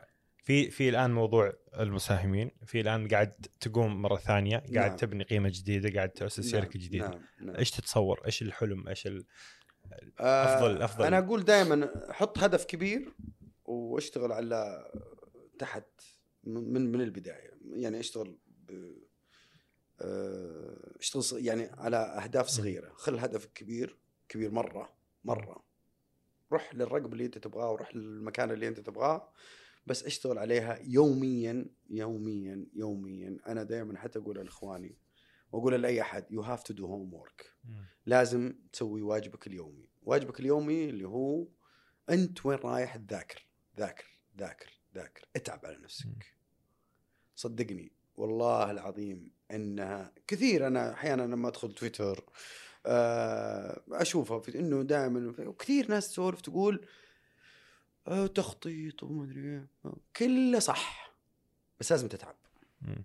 لازم تتعب إيش الحلم الكبير اللي أنت مسويه؟ أنا أنا إن شاء الله آه، حلمي إني أبني مدينة ما أقول ماني ما راح أقول مصغرة راح أبني مدينة زي انتورب في المملكة العربية السعودية. زي مدينة انتورب في في بلجيكا اللي هي تكون السعودية. أنا هذا هدف إن شاء الله عندي بإذن الله عز وجل. أسأل الله عز وجل أن ييسر لي إني أنا أكون آه، من أو من المب... أو من رواد أو من أو يمكن أول ما أعرف بس أنا ودي أنا لازم يكون آه، أسوي مدينة آه، تعرف اختلطت مشاعري يوم. قلت لأن أنا هذا حلمي أنا كاتبه حتى كتابة. انه يكون مدينة فيها معهد لتقييم الألماس، معهد تدريب الألماس، مدينة كذا كاملة متكاملة للألماس، مدينة مغلقة كاملة للألماس فيها حتى مدارس، كاتبها ترى موجودة عندي. فيها حتى مدارس وفيها حتى بنوك وفيها كل كل شيء كل شيء. فهدفي إنه اليوم مع مع مع اللي قاعد يصير مع هذا الحراك الاقتصادي الضخم الكبير اللي قاعد يصير في السعودية صراحة آه، أنا ودي إن هذا الباب آه، أنا أكون أحد رواده اللي يفتحونه بإذن الله عز وجل في مجال الألماس. وإيش ال- ال- ال- الخطوات الصغيرة اللي قاعد تسويها؟ اللي هي إنك اليوم- تبغى تبني هذا اليوم أنا قاعد آه، أبني من ال من ال من ال من الأساس اللي هو يعني نبي نبي اليوم يعني حلو سؤال. ولا هذه سالفة ثانية؟ إيه لأنه لا بس لأنه لأنه أنا ما اليوم أنا بعيد ثقافة الألماس. اليوم الألماس في السوق مختلف. يعني مو مختلف يعني قاعد يتعاطى بطريقة أنا بالنسبة لي ما تليق بالألماس. فقاعد اليوم أنا أنشر وعي جديد. أعتقد إنه ضروري يصير إنه أنا آه، أنشر وعي جديد في هذا الباب في باب الألماس يعني. جميل و... نعم، عفواً. و... وال... والمساهمين. أنا شايل هم المساهمين معلش المساهمين شوف أنا بقول لك شيء. في بهذا ال- ال business في خطة مالية اي للسداد. اي إي، أنا قاعد أنا شوف أنا كل اللي قاعد أسويه اليوم وقاعد بس شوف أنا بقول لك شغلة. آه هذه واحدة من الأشياء اللي ما ودك تاخذ الموضوع بطريقة عاطفية. هم اليوم هذا هذا مبلغ علي أنا. إيه. أنا ما نكرته أبى أسدده والآن الحمد لله نزل يعني نزل نزل. بس إنه اليوم أنا آه، أنا عشان آه، يعني أقدر أوفي أول شيء خليني اسد أسكر لأنه عارف لما تبني القاعدة الأساسية. اي يعني أنت اليوم أنت عندك حفرة. أنت قاعد تدفن في الحفرة هذه. عرفت شلون؟ لأنه أنا مو بس عندي المساهمين اليوم أنا صار بعد وقفة ايقاف الخدمات والحسابات وكذا خلال ثلاث أو أربع سنوات في أشياء تراكمت. عليك. وديون صارت عليك أشياء تعطلت.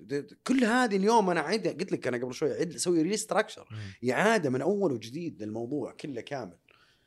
يعني عرفت؟ مو هي مو قصة بس الآن صار دين. أول كان دين. في 2015 كان دين. الحين اليوم صار اليوم صار صار اي صار قصة ثانية مختلفة.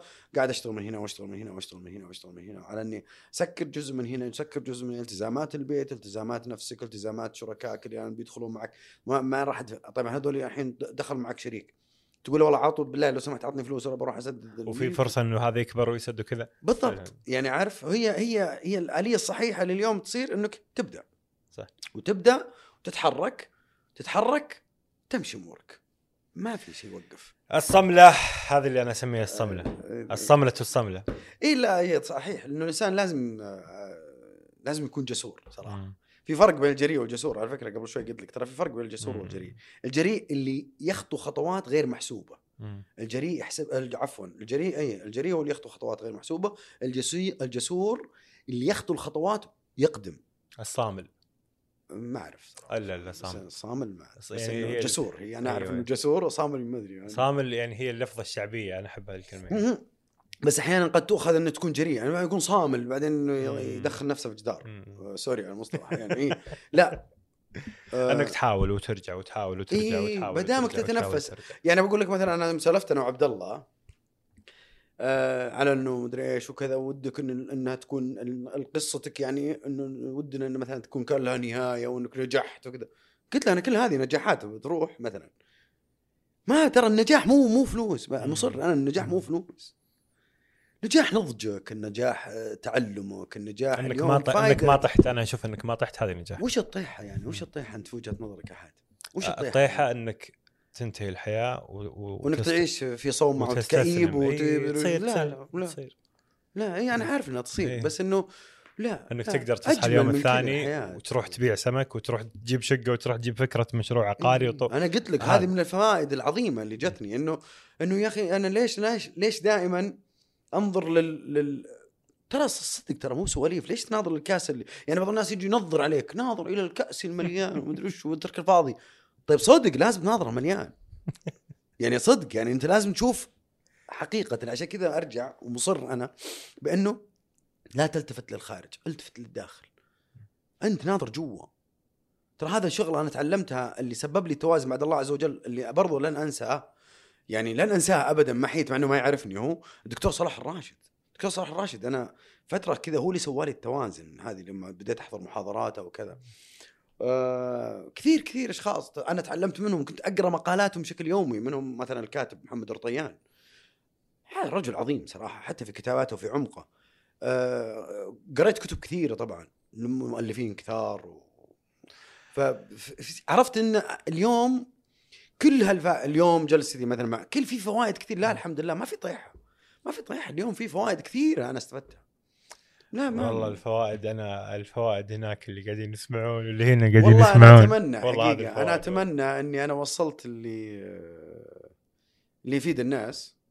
و... وشكرا لك حاتم. أنا ما أعرف صراحة كم الوقت. أنا حقيقة ترى ما أدري كم راح من الوقت. ساعة. آه أنا والله صحيح صدقا ما أعرف كم راح ساعتين. ونص. لا لا والله. والله. والله طولنا. عندنا. لا والله ما حسيت فيها. لا والله طولنا مرة إي والله. أنا متأكد بس إنه- أنا أرجو إنها ما تكون مملة. لا لا لا أبد أبد لا تشيل هم الناس. عاد أنت مشكلة ما تقطع ولا تشيل ولا حرف واحد ولا حرف واحد يروح. أجل خلاص خلينا نسكر. يلا آه، نقوم. نقوم. والله ممتن آه شكرا حاتم لك. شكرا آه شكرا للي بيوصل إلى هالساعتين ونص وما زال يسمع. شكرا لك مرة شكرا. آه، أنا ممتن لك كثير. يمكن أنت ترى على فكرة شوف من الفوائد إنك خليتني أتنفس شوي. آه ما أدري مين. واحد من ضيوفنا قال جملة قاعد أتذكرها يقول إذا أنت ما رويت قصتك الناس بترويها عنك. أي صحيح. فلازم الواحد ضروري هو هو يروي قصته. مم. آه، ممتن على وقتك ممتن على ثقتك ممتن إنك جلست الآن وقلت لنا سال- سالفتك. ويعني جد جد صدقا يعني أقدر أقدر إنك جلست وقلت القصة. وأنا أقدر لك إني صبرت علي ساعتين ونص. والله أبد والله أنا ما. حسيت فيها والله صراحة. مستمتعين ما قصرت. أم- ما ما حسيت معي وشكرا لكم جميعا صراحة. مرة شكرا شكرا. شكرا. شكرا. أصدقاء مربع الرائعين شكرا لاستماعكم كامل اللقاء. أتمنى أنكم عشتوا هذه ال... يعني لما شخص يجلس حياة كاملة قضاها يجي يجلس بساعتين ونص فقط يحكيها أمامك. تجربة تجربة جميلة ومحظوظ أنا إني الجم... الجمهور الأول فيها. آه، أتمنى إنكم شاركتوا أيضا بهذا ال- ال- الجمال والقيمة الرهيبة وأتمنى إنكم عشتوا تفاصيل التجربة هذه. أكيد في فوائد. لما شخص فعلا يعني أنت لما تعيش تكسب خبرة حياتك لكن لما تسمع قصص الناس تكسب خبرة حياتهم هم أيضا. آه، أتمنى إنكم عشتوا خبرة حياة أبو عبد الله. آه، شاركوا هذا اللقاء مع أي شخص تظنون إنه يعني يحتاج يسمع هذه القصة ويعيش هذه التجربة. آه، ولا تنسوا تقييم البودكاست في في آيتونز. آه، أعطونا خمس نجوم نستاهل. والى ان نلقاكم الخميس المقبل. بإذن الله كونوا بخير.